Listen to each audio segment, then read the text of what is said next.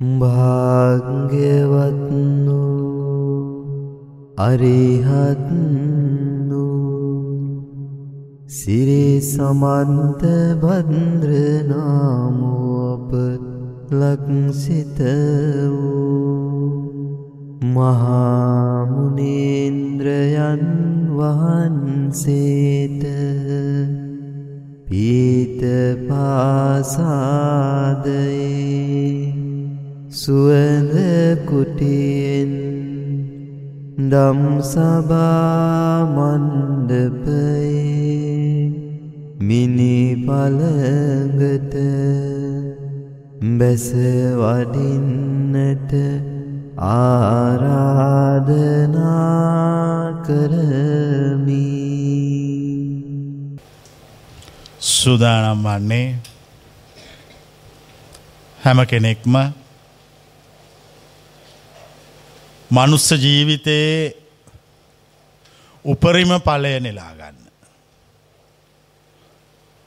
අපි මනුෂ්‍යයකෙන් ඇහුවොත් මනුස්ස ජීවිතයේ උපරිම පලය මොකක්ද කියලා ඒ මනුස්්‍යයාගේ වයසට සාපේක්ෂව උත්තරය වෙනස් වෙනවා. එක එක වයස්වලාය ජීවිතයේ උපරිම පලය කියල කියන්නේ එක එක ඒවා. එතොට අපට ආයි හොයන්න සිද්ධ වෙනවා ඇත්තටම සත්‍යය වශයෙන්ම මනුස්ස ජීවිතයේ උපරිම පලය ඇත්තම එක කුමක්ද. මම ඔබට කියනවා මනුස්ස ජීවිතයේ උපරිම පලය සත්‍ය වසයෙන්ම කියනවනං ප්‍රඥාවයි. මනුස ජීවිතයේ උපරිම පලය ප්‍රඥාවයි. උපරිම ඵලය ප්‍රඥාව කියල කියන්නේ එය පිරිසිදුවීමේ මාර්ගය වන නිසා. ප්‍රඥාව නිසා මනුෂ්‍යෙක් පාරිශුද්ධත්වයට පත්වෙනවා.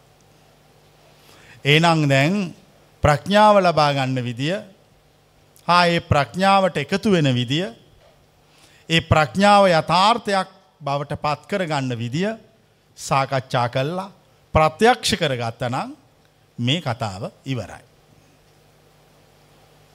ප්‍රඥාව ලබන මාර්ගය කුමක්ද. ලෝකයේ විවිධ දර්ශනිකයෝ විවිධ මුනිවරු ප්‍රඥාව ලබන මාර්ගය පැහැදිලි කරා. ඒ එක ඒක විදියේ. ඒගොල්ලො දකින සීමාවල් ඔස්සේ. දැන් කෙනෙකුට ප්‍රඥාව ලබන මාර්ගය තව කෙනෙකුට මාර්ගයක් නොවෙන්න පුළුවන් ඒ පුද්ගලගේ ප්‍රඥාව වෙනස්කම නිසා. හැබැයි කෙනෙක් කියනවා ප්‍රඥාව ලබන මාර්ගය මේක කියලා. තවත් කෙනෙක් කියනවා නෑ ප්‍රඥාව ලබන මාර්ගය මේක කියලා. දැන් අපට සිද්ධ වෙනවා පොදු අදහසක් දරණය වශයෙන් සැබෑවටම ප්‍රඥාව ලබන මාර්ගය කුමක්ද. නවට උත්තරයක් අවශ්‍යයි. කෙටි උත්තරයක් තියෙන්නේ. ප්‍රඥාව ලබන මාර්ගය තර්කයෙන් නොබින්දිය හැකි මාර්ගය කොබලන්නේ උත්තර තේරිච්චය. ප්‍රඥාව ලබන මාර්ගය තර්කයෙන් නොබින්දිය හැකි මාර්ගය. කොච්චර නිර්වාණ මාර්ග සමාජයට ලෝකයට විධ දර්ශනිකයෝ ඇවිල්ල කාලෙන් කාලෙට ඉදිරිපත් කළත් අවසානයේ මේ සියල්ල අතුරෙන් අපට එකක් තෝරගන්න වෙනවා. චෝදනා කළ නොහැකි පාරක්. ඒ පාර කිසිම ප්‍රතිතර්කයකින් බිඳින්ඩ බැරි පාරක්. දැන් මම ඔබට දේශනා කරනවා ප්‍රතිතර්කයකින් බිඳින්න බැරි ප්‍රඥාව ලබන මාර්ගය. ප්‍රතිතර්කයකින් බිඳින්න බැරි ප්‍රඥාව ලබන මාර්ගය. එතුර කෙනෙක් මයෙන් අහන්න පුළුවන් ප්‍රඥාව ලබන මාර්ගය. ප්‍රඥාව ලබන මාර්ගය කියල අපි මීට කලින් ඇහුවේ මුලින්ම සිල් රකින්න කිව්වා. ඊට පස්සේ සමාධියකට පත්වෙන්න කිව්වා. ඊට පස්සේ ප්‍රඥාව ලබන්න කිව්වා. කොබලන එක අහලත විච්චාය. මුලින්ම සිල් රකින්න කිව්වා ඊට පස්සේ සමාධියල බඩන්න කිව්වා ඊට පස්සේ ප්‍රඥාවට පත්වෙන්න කිව්වා. ඊට පස්සේ අපි තර්කයක් ගේනවා. තර්කය තමයි සිල් රැකලා සමාධිය ලබලා ප්‍රඥාවට පත්වෙච්චය කවුද. කවුරත්න. දැන් මම ප්‍රඥාව ලබන සාම්ප්‍රදායික සීල සමාධි ප්‍රඥා මාර්ගය ප්‍රතික්ෂේප කොන්නවා. මම පෙන්වනවා ඊට වඩා වෙනස් පාරක්. ඊට වඩා ප්‍රායෝගික පාරක්. ඇත්තටම යන්න පුළුවන් පාරක්. ඇත්තටම යන්න පුළුවන් පාරක්. ඒ ඇත්තටම යන්න පුළුවන් පාර කෙටි මාර්ගයක්. කොතෙන්ටද නිවනට. නිවනට මම ෂෝට් කට්ට එකක් පෙන්න්නනවා. මෙච්චරකල් තිබ්බේ මහාදික පාරක්. සාරා සංකය කල්ප ලක්ෂ අටා සංකය සොලසා සංකේය. පෙරුම් පුරාගෙන මේ මල් පූජාතියාගෙන පහම් පත්තු කරගෙන සිල් සමාදම් වෙලා වන්දනා ගමන් ගිහිල්ලා කවදාකත් ඉවර කරන්න බැරි මහාදුර පාරකින් පරංගිය කෝට්ට ගියා වගේ නිවන් දකින්න අපි බලාගෙන හිටියා. තවත් තේරෙන භාෂාවකින් කියනවන පරංගිය කෝට්ට ගිය පාර ගිහිල් අපි දත කෑව නිවන් දකින්න. දත් තිස් දෙකම කෑවා ඒත් බැරි වුණ එක දතක් කාලමදී.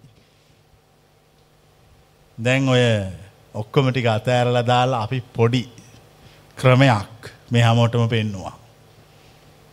ඒ පෙන්නපු ක්‍රමය කොච්චර සාර්ථකද කියනවනම් ඒ පෙන්වීම අමුතු පාරක්. කිසිම දුස්කර ක්‍රියාවක් නැති පාරක්.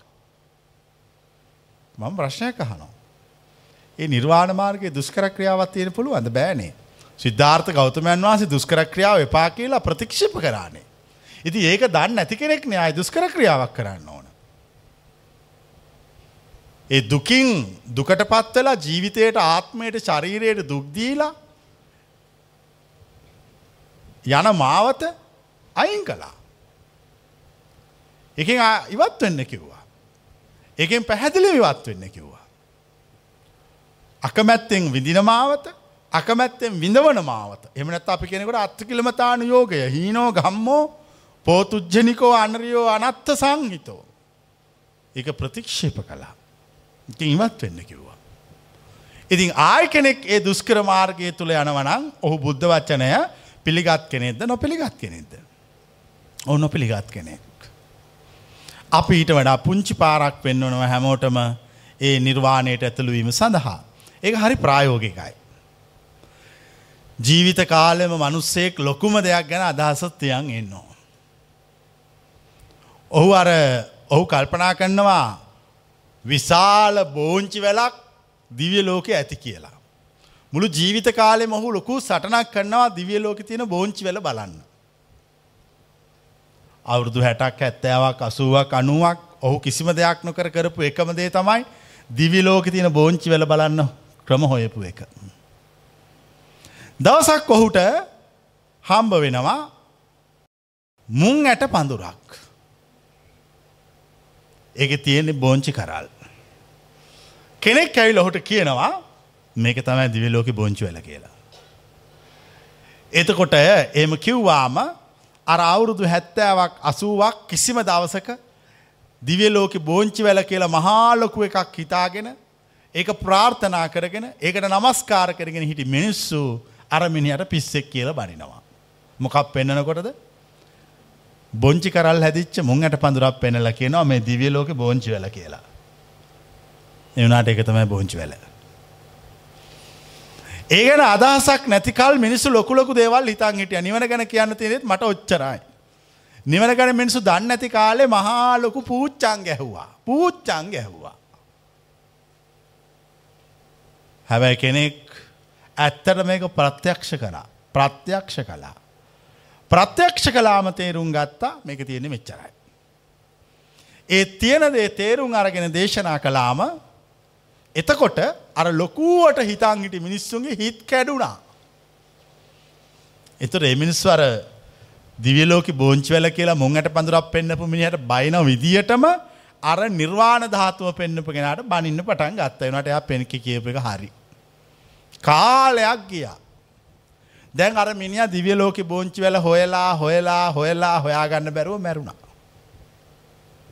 මංආන ඇත්තරම දිවියලෝක බෝංචිවල දැක්කද කියලා. දැක්කා පිළිගත්තේ නෑ. ඇයි අර අර මනුසේ පෙන්නුවේ මුංගට පඳුරක් පෙනල කිව්වේ මේක තමයි දිවියලෝක බෝංචි වෙල කියලා. එතට අරමිනි අරයට බැනල යන්න කියලා. බැල්ලක මොන පිස්සුද දිවිලෝක බෝංචිවල ඔච්චර පුංචි ගන්න මේ එක මහා විශාල වැලක් කෙලවට එක විශාල වැලන්නෙමේ පුංචි බෝංචි පඳුරක්.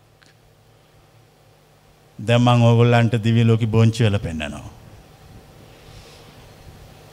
එතකොට දැන් මම මේ බෝංචිවල පෙන්න ලහනවා ඔන්න දැම්මන් තමුසලාට පෙන්වා දිවිය ලෝක බෝංචිවල මෙච්චරයි උස මෙන්න කරල් කැමතිනම් පිළිගනිල්ලා අකමැතිනම් ප්‍රතික්ෂේප කරපාල්ලා.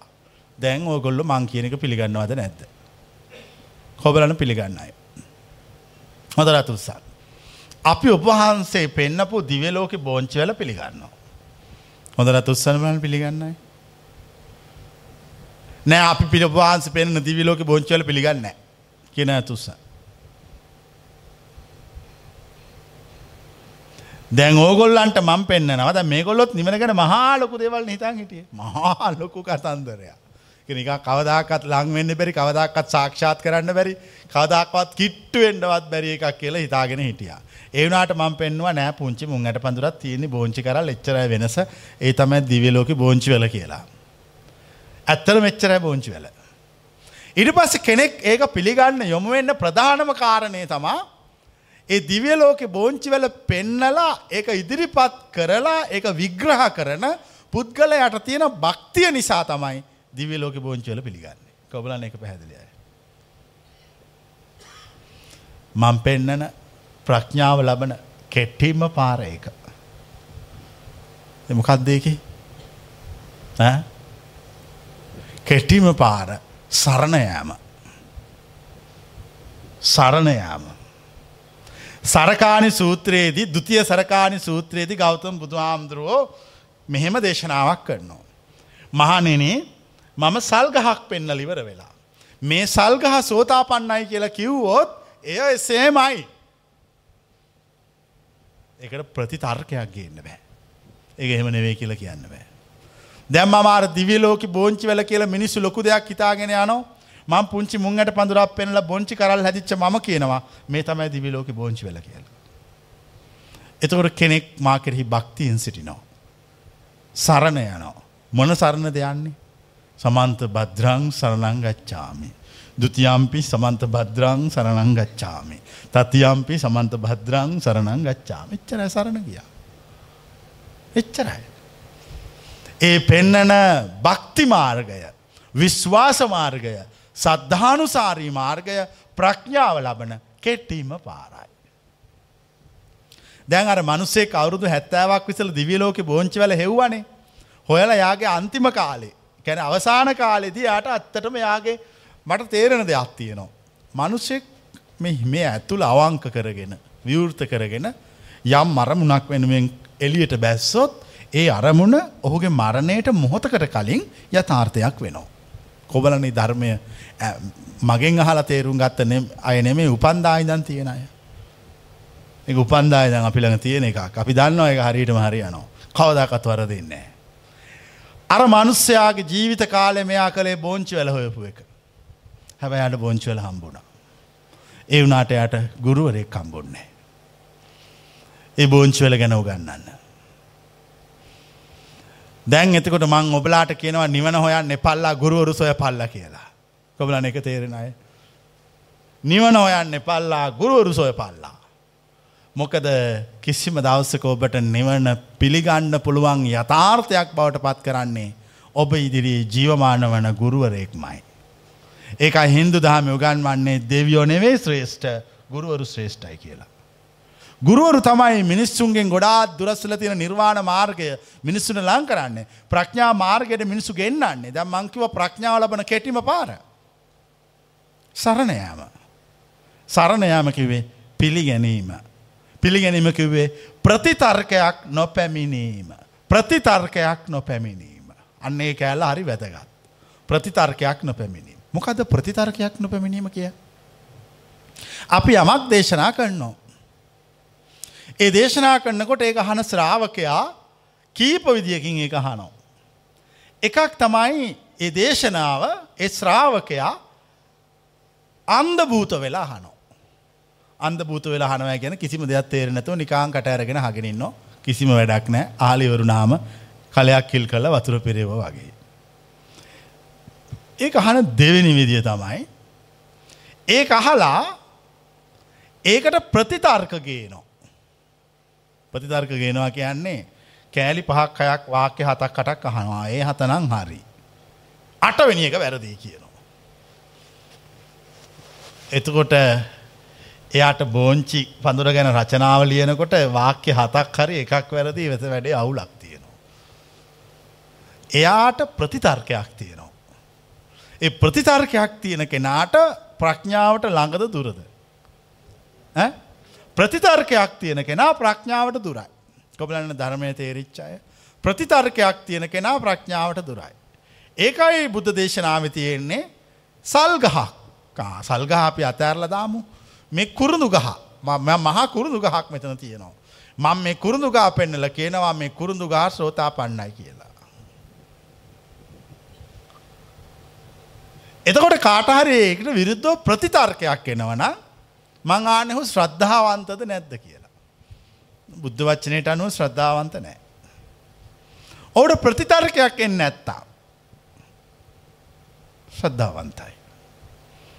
දැන් ඊට පස්සේ මට කියනවා දැන් ඔබ වහන්සික වනි කුරුදු ගහ ශ්‍රෝතාපන්නයි කියලා. පුළුවන් නවක එක්ස්ප්ලේන් කරන්න.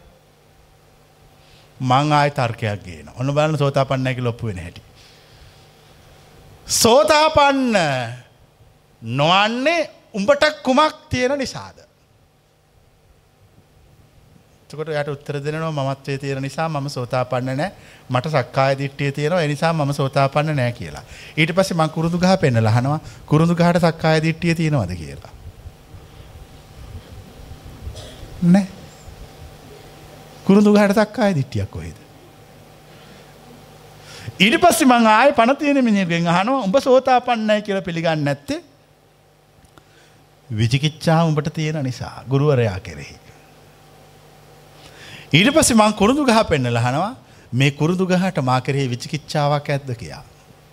කිසිම විචිකිච්ඡාවක් නැහැ. ඒ නිසා තමයි උඹ වගේ ගොන් ප්‍රතිතර්ක මේ කුරුදු ගහ ගේන්නේ නැත්තේ. දැන් ඔබ සෝතාපන්න වෙන්න කියලා රටේම තියෙන සිල් සමාදම් වෙලා. රටේම තියෙන වන්දනාවල් කර කර පූජාවල් තිය තිය බොරු වැඩ කර කර තියෙන මිත්‍යා දෘෂ්ටි ඔක්කෝම කර කර ඇවිද්දා හැබැයි මේ කුරුඳු ගහ හිටෝපු තැන තාම හෙමම තියෙනවා. කවදාකත් මේක පෝයට සිල් ගන්න අහල පහල පන්සල් වලට යන්නේ නැහැ. රින්ගන්නේ නැහැ ගිහිල්ලා. කිසිම සීලබ්බතයක් සීලබ්බත පරාමාසයක් මේ කුරුඳු ගහේ නැහැ. දැන් ආය ඔප්පු වෙනවා කුරුඳු ගහ රෝතාපන්නයි කියලා. ඔන්න ආය තර්කයක් ගේනවා. යමෙක් ආර්ය මාර්ගයේ ප්‍රත්‍යක්ෂ නොකලේද මමත්වය ඔහු තුල පවතී. සියලුම රූප වේදනා සංඥා සංකාර විඤ්ඥාන කියන පංචපාදානස්කන්දය යම් සත්වයකුට පවතීද ඒ සත්වයා සසර ප්‍රහීන නොකළේය කුරුදු ගාට පංචපාදානස්කන්දයක් තියද කියලා ආයහනෝ. ඒත් නෑ. එතකොට පංචපාදානස්කන්දේ තියෙන සත්ව වැරෙන් ඉතුරු සියල්ලම සෝතාපන්නයි කිව්වට එක කිසිම වරදක් නෑ මොකද විශ්ව රිද්මය තුළේ සියල්ල පවතින්නේ. කොබලන්නේ තර්කය තේරෙනයි. ඒ සියල්ල රිද්මය තුළ පවතින්. එතවට රිද්මයෙන් අයින්වල ඉන්න කවුද. මාන්නක්කාර උඩගු උද්දච්ච නැහැදිච්ච මිනිස්සු ටික විතරයි. ඒ මාන්නක්කාර උඩගු උද්දච්ච නැහැදිච්ච මිනිස්සු සෝතාපන්න නෑ. ඒ මිනිස්සු ප්‍රඥා මාර්ගයට ගොඩක් දුරස් ඒ වුනාට මේ මල් ගස් මේ සියල්ල ඒ කියන සුබදහමේ හිද්මයට ඉතාමාසන්නයි.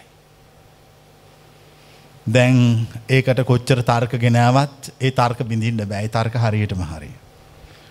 දැන් එතකොට කෙනෙක් දැන් ආයි දෙන්නෙක් දෙවිදියකට කල්පනා කරනවා. එක්කෙනෙක් කල්පනා කරනවා මෙයත් එක තර්ක කරන්න යන්න හොඳ නැහැ. දැන් කුරුඳු ගහ නිවන් දැකලා කියලා ඔප්පු කරා. එක්කෙනෙක් තවත් එක්කෙනෙක් තර්ක කරනවා මේක නම් ගල් මෝඩයෙක් මේ තර්කයක් විතරක් පවතිනවා. කෙස් පලනවා පලලා ආයි හරස් අතරත් පලනවා. ඒක 아무තු තර්කයක්. ඒ නිසා මෙයා තර්කකාරයෙක් විතරයි. තව කෙනෙක් කියනවා මෙයා තර්කයක් ගේනාව ඒ තර්කය හරියටම හරි මං ආයි තර්ක කරන්න යන්න මම මෙයා කියන කියන ඔක්කොම දේවල් ටික පිළිගන්නවා කියලා. තව කෙනෙක් කියනවා මම මෙයා කියන එක වචනයක්වත් පිළිගන්නේ නැහැ මෙයා තර්කකාරයෙක් විතරයි කියලා. දැන් ආයි ප්‍රඥා මාර්ගයට ලං උනේ කවුද? කියන කියන එක මම පිළිගන්නවා. මට තර්ක කරන්න බැහැ මොහොත් සමග. අන්න එයා ප්‍රඥා මාර්ගයට ලං වුණා.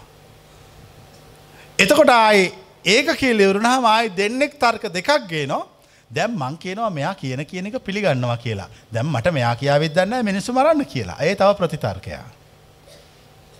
තව කෙනෙ තර්කයක් කරනවා නෑ මන්ද මෙයා කියන කෙනෙ පිළිගන්නවා මෙයා නිසා මට කවදාකත් විනාසයක් නරකක් සිද්ධ වෙන්නේ නෑ දැම් ප්‍රඥා මාර්ගයට ළඟ කවුද. අර දෙවෙනි එක් කෙන. ඒ දෙවෙනි එක් කෙන ඇත්තටම රහත් වෙලා ඉවරයි.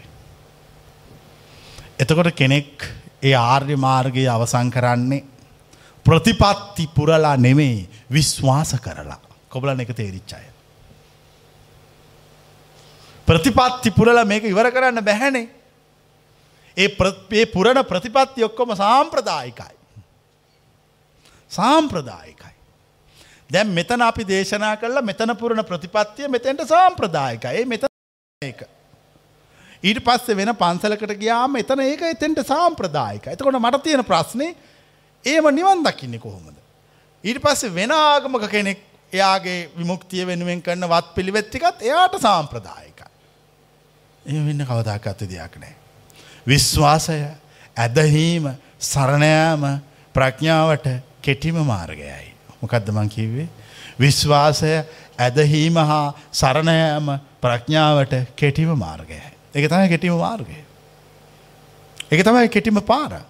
එම නැතුව ගවේශණය කර කර සොය සොයා තර්ක කර කර යන්න ගියෝතින් කවදාකත් ඒ ප්‍රඥා මාර්ගය දන්න උත්තමයකුත් එක තර්කයක් ගේන්න බැහැ එක කවදාකත් වෙන්න ඇති එක.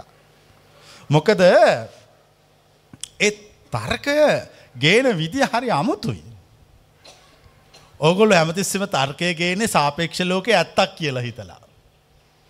ආයි තව කෙනෙක් තර්කයක් ගේනවා සාපේක්ෂ ලෝකෙ මායාවක් කියලා හිතලා. මම තර්කයක් ගෙනවා දෙකටම නැතුව.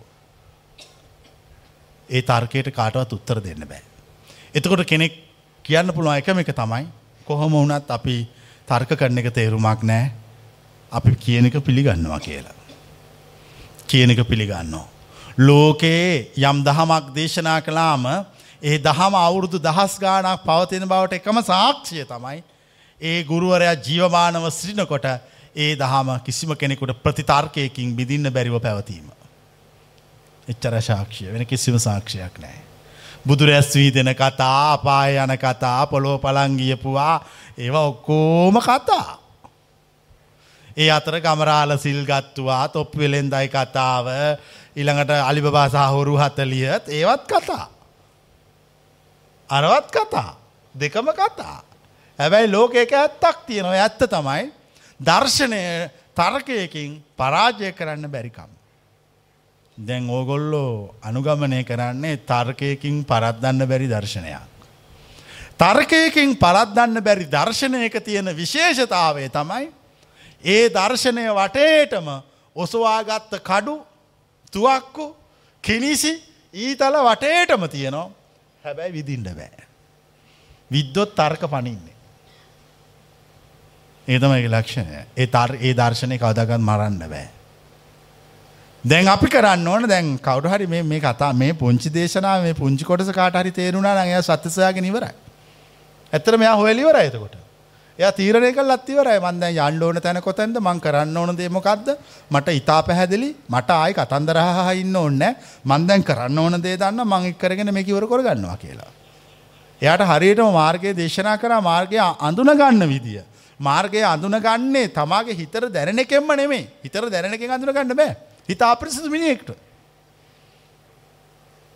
හිතර දැනෙක මාර්ගය වෙන්නේ සියරසියක් හිත පාරිශුද්ධත්වයට පත්වත කෙනෙකුට පමණයි කොබලන එක ධර්ම තේරෙනයි තමාගේ හිතර දැනෙන එක හරියටම මාර්ගය වන්නේ තමාගේ හිත සියරසියක් පිරිසිදු වෙලා නම් පමණයි නැත්තං ඒක මාර්ගය වියන හැක මාර්ගය තේරුම් කරන්න තියෙන ලේසිම විදිය තමා ඒකට විරුද්ධව කිසිම තර්කයක් ගේන්න බැරි එක. කිසිම තර්කයක් ගේන්න බැරි එක. කිසිම තර්කයක් ගේන්න බැරි එක තමයි ඇත්තටම මාර්ගය. හැබැයි මාර්ගය තර්කය නෙමෙයි. දැන් ආ එක පාරක කියනවා මාර්ගය තර්කය නෙමෙයි කියලා ඊට පස්සේ ආය කියනවා තර්කයෙන් තමයි මාර්ගය හොයන්න ඕන කියලා. පරස් පරද නැද්ද. නෑ මජ්ජිමා පටිපදා. එක තම මච්චිමා පටිපදා. මේ පැත්තට ඒකාන්තයක් කියනවා මේ පැත්තට ඒකාන්තයක් කියනවා මැද පෙන්වනවා. ඒ තමයි මජ්ක්‍ධිමා පටිපදා. හොඳට සිවුම කල්පනා කරන්න. ඒක තමයි මජ්ක්‍ධිමා පටිපදා. එතකොට ආයි කියනවා මජ්ජේන තථාගතේන ධම්මං දේශේසි තථාගතවරු මැදින් බණ කියනවා කියලා. දැනු ඒකත් හරි. එහෙනම් හරියටම හරි. මාර්ගය ඉවරයි. ඔය පුංචි කෑල්ලෙන් කෙනෙකුට තමා වඩිය යුතු අනුගමනය කළ යුතු සොයා බැලිය යුතු යා යුතු මග දැන් තීරණය කරල ඉවරයි. ඊට පස්සෙ කරන්නේ තර්කයකට මිඳින්න වැරි මාර්ගය දෙසන ගුරුවරයා කෙරෙහි විශ්වාස කොන්නෝ. එච්චරයි. ඉතින් එච්චරයි. ඊට වඩා මොනාද කරන්න තියෙන්නේ. ගුරුවරයා විශ්වාස කරනකොට ඔබට භෞතිකත්වය කෙරෙහි ඇති විශ්වාසය බිඳ වැටී තියෙන්න ඕන. නැත්තං ඔබේ හිත ආය චලනය වෙනවා. ඒ චලනය කරවල බලනෝ. තමාට ඇත්තටම විශ්වාසනං මේ භෞතිකත්වය විශ්වාස නොවී පවතින්න ඕන. තමාට ඇත්තට මේ මාර්ගෝපදේශකයා ඒ මග දෙසන්නා ඒ මාර්ගය පිළිබඳ දන්න උතුමා කියන වචන විශ්වාසනං තමාට තමා පිළිබඳ තියෙන වටිනකම නැති වෙලා තියෙන්න ඕන කොබලන් මෙව තේරෙනයි. මේ භෞතික ලෝකයේ පිළිබඳ කිසිම විශ්වාසයක් නෑ. මොකද එයා භෞතික ලෝකයේ මුලාවක් මායාකාරී බවක් කියල තේරුම් අරන්තියනවා. ඒ භෞතික ලෝකයේ තුළ ජීවත් වෙන මම මුලාවක් මායාවක් කියල තේරුම් අරන්තියෙන. ඊට පස්සේ යා කියනවා මට එකම එක දෙයක් විශ්වාසයි. ඒ උන්වහන්සේ පමණයි.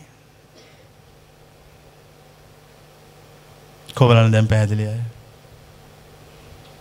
දැම් පැහැදිලි මං අයි ප්‍රශ්නයක් අහනවා. භෞතික ලෝකෙ මායාවක් නම්. තමම් මුලාවක් නම්. මම යථාර්ථයක් වෙන්නේ කෙසේද. ආයි මම තර්කයක් ඔබට කියනවා. මම ඔබේ දිරියේ රූපයක් නැතුව පෙනී සිටිනවා. දැන් හරිද වැරදිද. දැ මම කිවේ මේ භෞතික ලෝකයේ මුලාවක් වෙන්නේ මේකට රූපිය බවක් තීර නිසා. මට මං මේ මල්ලනකොට මට මං මුලාවක් වගේ දැනෙන්නේ මට රූපයක් තියෙන නිසා. මම ඔබ ඉදිරියේ රූපයක් නැතුව පෙනී සිටිනෝ. දැන් මම ඔබිදිරිහි පෙනී සිටින පරම යථාර්ථයයි කොබලන එක තේරිච්චයි. පරම යථාර්ථයයි පරම යථාර්ථයයි. දැම් මං ආය ප්‍රශ්නහනවා. පරම යථාර්ථයට රූපයක් පවතීද. පරම යථාර්ථයට රූපයක් නෑ. පරම යථාර්ථයට හැඩයක් පවතීද. පරම යථාර්ථයට හැඩයක් නෑ. පරම යථාර්ථයට වචන පවතීද. පරම යථාර්ථයට වචන නෑ. පරම යථාර්ථයට කුමක් පවතීද. පරම යථාර්ථයට සියල්ල නොපවතී. පරම යථාර්ථයෙහි සියල්ල නොපවතීද. පරම යථාර්ථයෙහි සියල්ල පවතිී. දැන් ආය දෙපැත්තට කිය ලිවර කළ ආය තියෙන මජ්ජම පටිපදා. ඔච්චරයි ඒ දහම. කවුරරි කෙනෙක් මේ දේශනා කරපු සංක්ෂිප්ත ශුන්්‍යතා දර්ශනය. සංක්ෂිප්ත ශුන්්‍යතා ධර්මය. කාටරි ප්‍රත්්‍යක්ෂල ඉවරු නෝති යරහත්. ඉවරයි ඉතින් ඒ සසර ඉවරයි. ඒ සසර ඉවරයි. තින් දැම් මංහනි තවමනවද මං කියන්න ඕන කියලා. ඇත්තන මුච්චරයි. ඔට වඩා මුකුත් කියන්න ඕන්නෑ. පරම යථාර්ථයට රූපයක් නෑ. පරම යථාර්ථයට හැඩයක් නෑ. පරම යථාර්ථයට වචන නෑ. පරම යථාර්ථය ඔබ ඉදිරිහි පෙනී සිටිනවා. එතුර කෙනෙක් අහන්න පුළුවන් රූපයක් නැත්තං හැඩයක් නැත්තං වචන නැත්තං පරම යථාර්ථය කොහොමද පෙනී සිටින්නේ. එවුනාට පරම යථාර්ථය ඔබ ඉදිරියේ පෙනී සිටිනවා. ශුන්්‍යතා ධර්මය ලෙස. කාරුවරයේ කියන ශුන්්‍යතා ධර්මය ප්‍රත්‍යක්ෂ කොළොතින් ඒ ප්‍රත්‍යක්ෂ කළ උතුමා නැවත සසරට එකතු වෙන්නේ. එච්චරයි විශේෂතාවය. සසරට එකතු වෙන්නේ. දැන් අපි උත්සාහ කරන්න කෝමහරි මේ දුකෙන් ගැලවෙන්නනේ. හැබැයි ප්‍රශ්නය තියෙන්නේ දුකෙන් ගැලවෙන ක්‍රමවේදය සාම්ප්‍රදායික නෑ ඔන්න ඔතනයි පටලැවිල තියෙන්. මේ සියලු තර්ක මේ සියලු ප්‍රතිතර්ක විවේචන පවතින්නේ මං කියන බනේ සාම්ප්‍රදායික නැති නිසා. මට ඔන්න සාම්ප්‍රදායික බණක් කියන්න පුළුවන්. සාම්ප්‍රදායික බණක් කියනට මගේ හදවත මට බනිනවා උඹ ඔයි මොනවද ඔය කියවන පිස්සු. ඔය ආයඹ බත්ගහන්න පටන් ගත්තද. ඔය බත් කෙලියට පටන් ගත්තද. ඕව කියහං උඹ දන්න මගුල. නොදන්න මලහත්තිලාවල් පොත්තොලින් කියවල කියවන්න නැතුව. එතුර මංකල්පනා කරන හදවත කියන දේ සත්‍යය මං ආයි මන් දන්න දේ කතා කොන්නවා. නොදන්නේවා පොත්තොලින් කියල මිනිස්සු අමාරුවිධානට වඩා හොඳයි මම ගොඩ ගිය විදිිය. ඒක තරණය කරපු විදිිය මට තේරෙන සරල සිංහල භාෂාවෙන් පැදිලි කොන්න. එත රහන් එක් කෙනට තේරෙනවා මේ කතාව හරි පැදිලිනේ. මේ කිසිම අවුලක් නෑනේ. මේ කියන එක හරියටම හරිනේ කිසිම මෙතන සැකයක් විචිකිච්ඡාවක් නෑනේ. ඒ දේශනා කන ප්‍රඥා මාර්ගයට රිජුව ප්‍රවිෂ්ට වන දොරටු පෙන්න්නනවා. ප්‍රවිෂ්ට වන ලේසිම ලොකුම බොහෝ දෙනෙකුට යන්න පුළුවන් ඇගේවත් වතින් නැති ලොකුම ඔලු වස්ස තමයි විශ්වාස කිරීම හා ඇදහීම හා සරණයෑම. සරණයෑම. සරණයාම කියන එක ලේසි පහසු කෙනෙකුට කරන්න බෑ. ඔන්න නොතන ඇතියෙන ප්‍රශ්නය. කවරුවට කෙනෙක් අපි සරණ යන්න හදනෝ. ඒ සරණ යන්න හදනකොට පිහිටක් කරගන්න හදනකොට සසරදුක තරණය කරගණ්ඩ උපදෙස්තෙන ගුරුවරයා වසයෙන් පිළිගන්න කියලා අපේ හදවතට කියනකොට අපේ හදවත තර්ක කියනවා. එහෙම කරන්න එපා. එහෙම හරියන්නේ. ඉතින් ඒ සියලු තර්කයක් නැතුව පිළිගන්න වන එයාගේ මග අවසන්. ඒ ප්‍රඥා මාර්ගයට ප්‍රවිෂ්ට වන කෙලිම කෙටීම පාර. ශුන්්‍යතා ධර්මයා ප්‍රත්‍යක්ෂ කලා. ශුන්්‍යතා ධර්මය කියල කියන්නේ ඇත්තටම ඔබ ඉදිරියෙහි ඔබේ රූපයෙන් ඔබ වයින් කල්ලා රූපයක් නැති කෙනෙක් ඔබට ආමන්ත්‍රණය කරන්න කොබලන එක තේරිච්චයි. ඔබේ රූපයෙන් ඔබ අයින් කල්ලා රූපයක් නැති කෙනෙක් ඔබ ඉස්සරහට ඇවිල්ල රූපයක් නැතුව ශබ්දයක් නැතුව ඔබට ආමන්ත්‍රණය කරන්න. ඔබට වචන හෙනවා ඒ මොන භාෂාවෙන්ද කියලා හුවත් දන්නෑ කියනවා. ඔබට කෙනෙක් කතා කරනවා ඔහු පේනවා දැහුවොත් නෑ කියනවා. ඒ වුනාට ඔහු නැද්දැහුවොත් ඉන්නවා කියනවා කොබලට මං කියනව තේරෙනයි හරි ගැඹුරුයි. ද සුන්නතා ධර්මය දේශනා කරන්න චුට්ටයි. විනාඩි පහත් දායකරට මේ කතාව කියන්න අරකයි. අනිවාරයෙන් මුන්දල කිය කියනවා මට පිස්සු කියලා. විනාඩි පහක් ඔය කතාව කියලා අන්න හතර වරන් ගහලා ඔපදූප ටිකක් කියලා බණ ඉවරයි කිව්වනම් හරියට හරි. ඕන ඒක ඕන ඒක මේක හරියන්න එක එක එක ඔරොත්තු දෙන්න. මොකද ඒ දහම ගැඹුරුයි. පුද්ගලයෙක් නැතුව අහන කෙනෙකුත් නැතුව කියන කෙනෙකුත් නැතුව බණ කියනවා. මම කියනකට ශුන්්‍යතා ධර්මය කියනවා කියලා. බුදුවරු ශුන්්‍යතා ධර්මය කියනවා. නිර්වාණය ඇත්තටම දන්න කෙනෙක් හතරවරන් ගහන්නෑ. කෙලිම ශුන්්‍යතා ධර්මය කියනවා. මොකද ශුන්්‍යතා ධර්මය කියල හවොත් ඕන කෙනෙකුට ගිහිල කියන්න අහන කෙනෙකුත් නෑ. කියන කෙනෙකුත් නෑ එනට කියන දෙයක් තියෙනවා භාෂාවක් නෑ. ඒ තමයි ශුන්්‍යතා ධර්මය. ඒ අහන කෙනාගේ හිත පිරිසිදු වෙනවා කියන කෙනාට මුකුත් වෙන්නේ. ඒ කියන කෙනා ස්වබාදහම තුළ ඉන්නවා. ස්වබාදහම තුළ ඉන්න මිනිට රූපයක් නෑ. දැම් මම ඔබ එක්ක යනවා ඈත අවකාශයට. අවකාශය පෙන්නල මමහනව අවකාශයට කවර රූපයක් පවතීද කියා. කාට දුත්තර දෙන්න පුළුවන්. උත්තර දෙන්න බෑ. අවකාශයට රූපයක් නෑ. ග්‍රහලෝකයක් දැක්කොත් ඔන්න ග්‍රහලෝකයක් පේනවා කියලා කියනවා. ග්‍රහලෝකයක් පේනවා මිසක් අවකාශය පේනවා නෙවෙයි. ඊට පස්සේ මං ආය අහනවා අවකාශයට රූපයක් තියෙනවද කියලා. ඊට පස්සේ කියන අවකාශයට රූපයක් ගැන කතා කරන්න බෑ. ඒ තමයි ශුන්්‍යතා ධර්මය. ශුන්්‍යතා ධර්මය තියෙන තැන සියල්ල පවතිනවා. හැබැයි සියල්ල පවතිනවද කියලා ඇහුවොත් සියල්ල නෑ කියලා කියනවා. සියල්ල නැද්ද කියලා ඇහුවොත් සියල්ල පවතිනවා කියලා කියනවා. ඔය ධර්මය කෙනෙකුට ප්‍රත්‍යක්ෂ වනොතින් ඒ උත්තම රහත්. ඔච්චරයි. රහත්.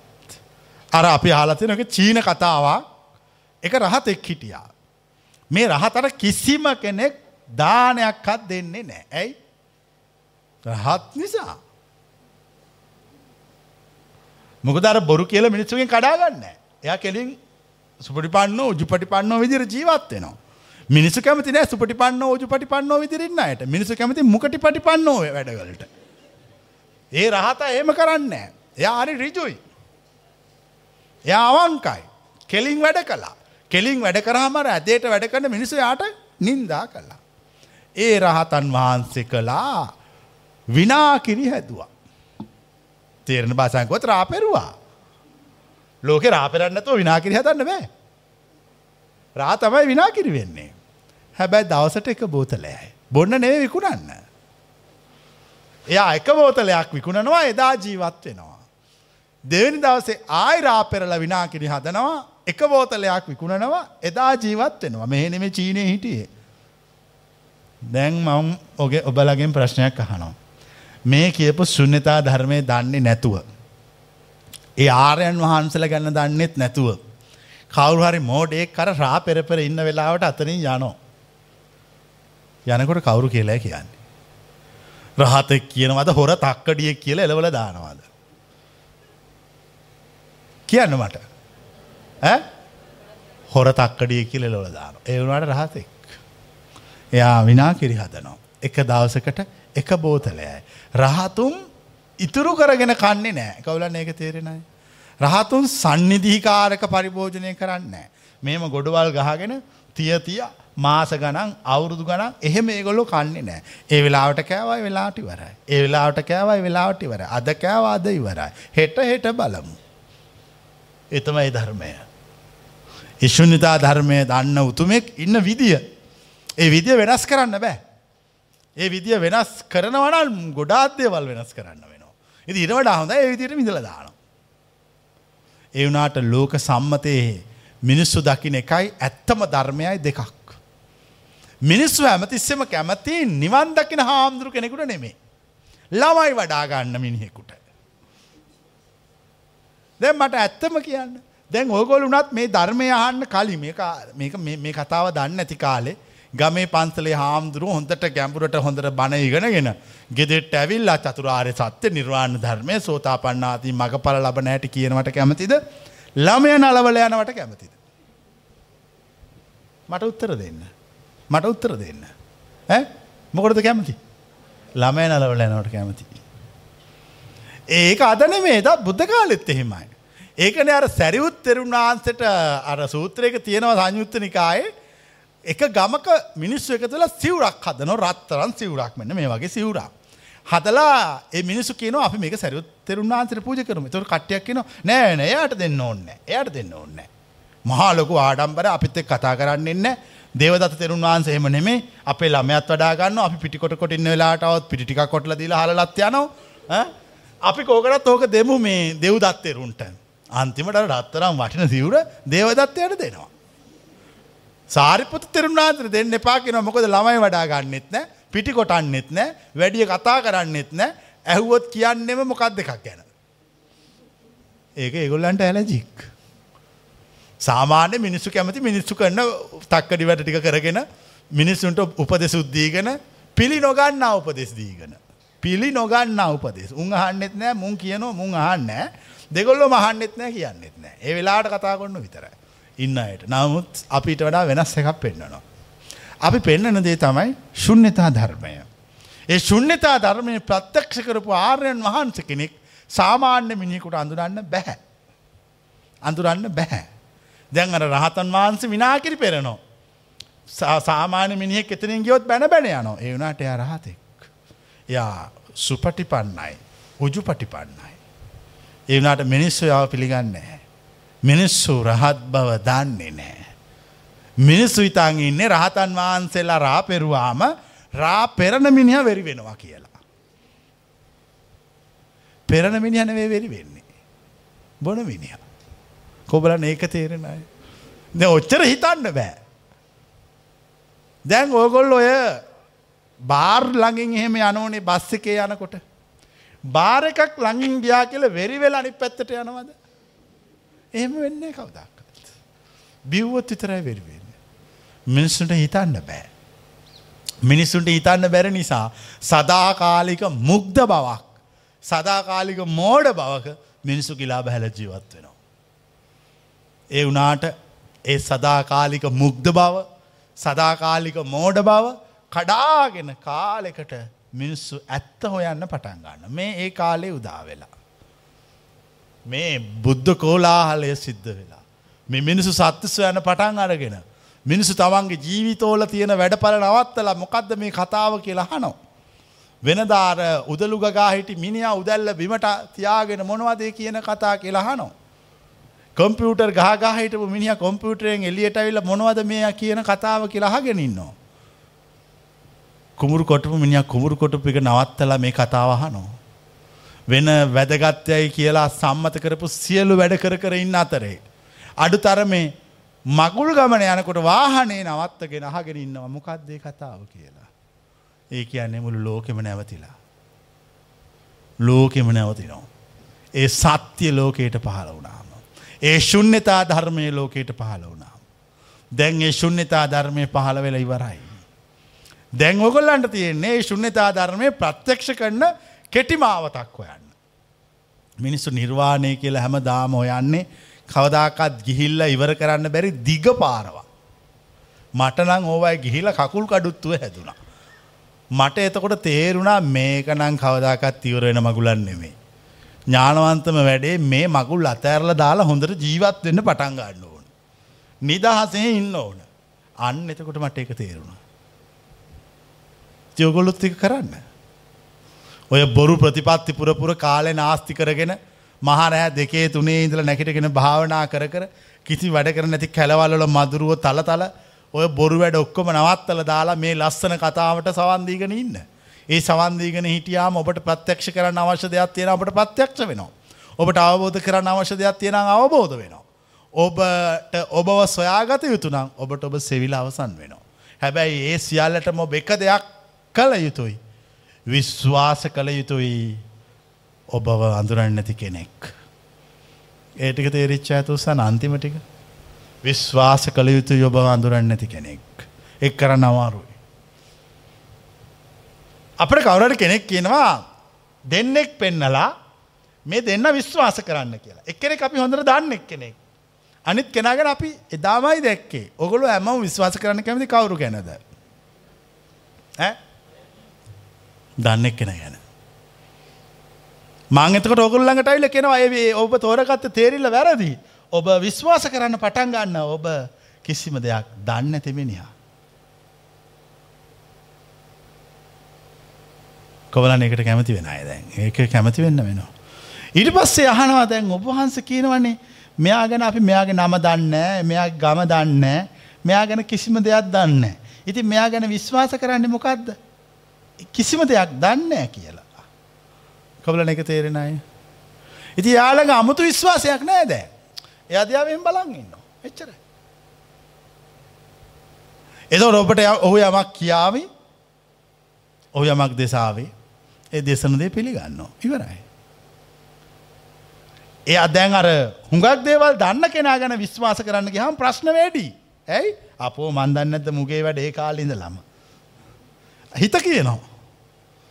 මාත් එක්ක නිස්කෝලගේ මන්දන්නවනේ මූ මේ භූතයක් කරපු වැඩ මූ කොහොමද නිවන් දකින්නේ. ඒ වනාට එක ඇදේ නිදාගන්න දෙන්නෙක් උදේ නැකිරෙනකොට එකෙක් බුදු වෙලා ඉන්න බැරි නෑ. කොබලන්න කොබලන්න මංකිපික තේරිච්චය එක ඇදේ දෙන්නෙක් නිදාගත්තා. එකෙක් ක්‍රෑ බුදු වෙලා. එයා නැකිටල කියනවා අවුදේ මම බුද්ධත්වයට පත් වනා කියලා. එතකොට අනිත්තිකා කියන යකුතෝ බුදු වෙන්න කොහ මාතෙක්කමන නිදාගත්තේ. මට පේන්න පැම්බ බුදු වුණා නරෑ. මිනිස්සු හිතාගෙන නෙමේ බුදු වෙනවා කියන එක නිකන් අර නිලා පත්තු කොන්න වගේ වැඩක් කියලා. මෙහෙම අර නිලා බඹර චක්‍රනෝම අපි ගිරලා පත්තු කරන අවුරුද්දට ආන්නේ ඔය එකක් කියලා. මිනිස්සු දන්නේ බුදු වෙනවා කියන එක මානසික විප්ලවයක් කියලා. මිනිස්සුන්ට එහෙම හිතන්න බෑ. මොකද මේ සමාජයේ විසින් මිනිස්සු නූගත් කළා ඉවරයි. පොත්පත්වල තියෙන දැනුමට වහල් වෙච්ච මිනිස්සු හැමදාම නූගත්. ඒ මිනිස්සු අර පොත්වල තියෙන කතන්දර කියවල ඒවා වෙනකම් බලාගෙන ඉන්නවා. බලාගෙන ඉන්නවා. දැන් ඕගොල්ලො තාමත් බලාගෙන ඉන්නවා අසූවට රියන් උස මෛත්‍රී බුදු හාමුදුරුව එනක. උන්ද කිසි දවසක එන්නේ නෑ. එන්නේ නෑ. කවදාකත් එන්නේ. නිකං කල්පනා කරල බලන්න දැන් ඔය මෛත්‍රී බුදු හාමුදුරුව අසූවට රියනක් උසවෙල මෙතෙන්ටාවනං මේ ගේට්ටුවෙන් එන්න පුළුවන්ද.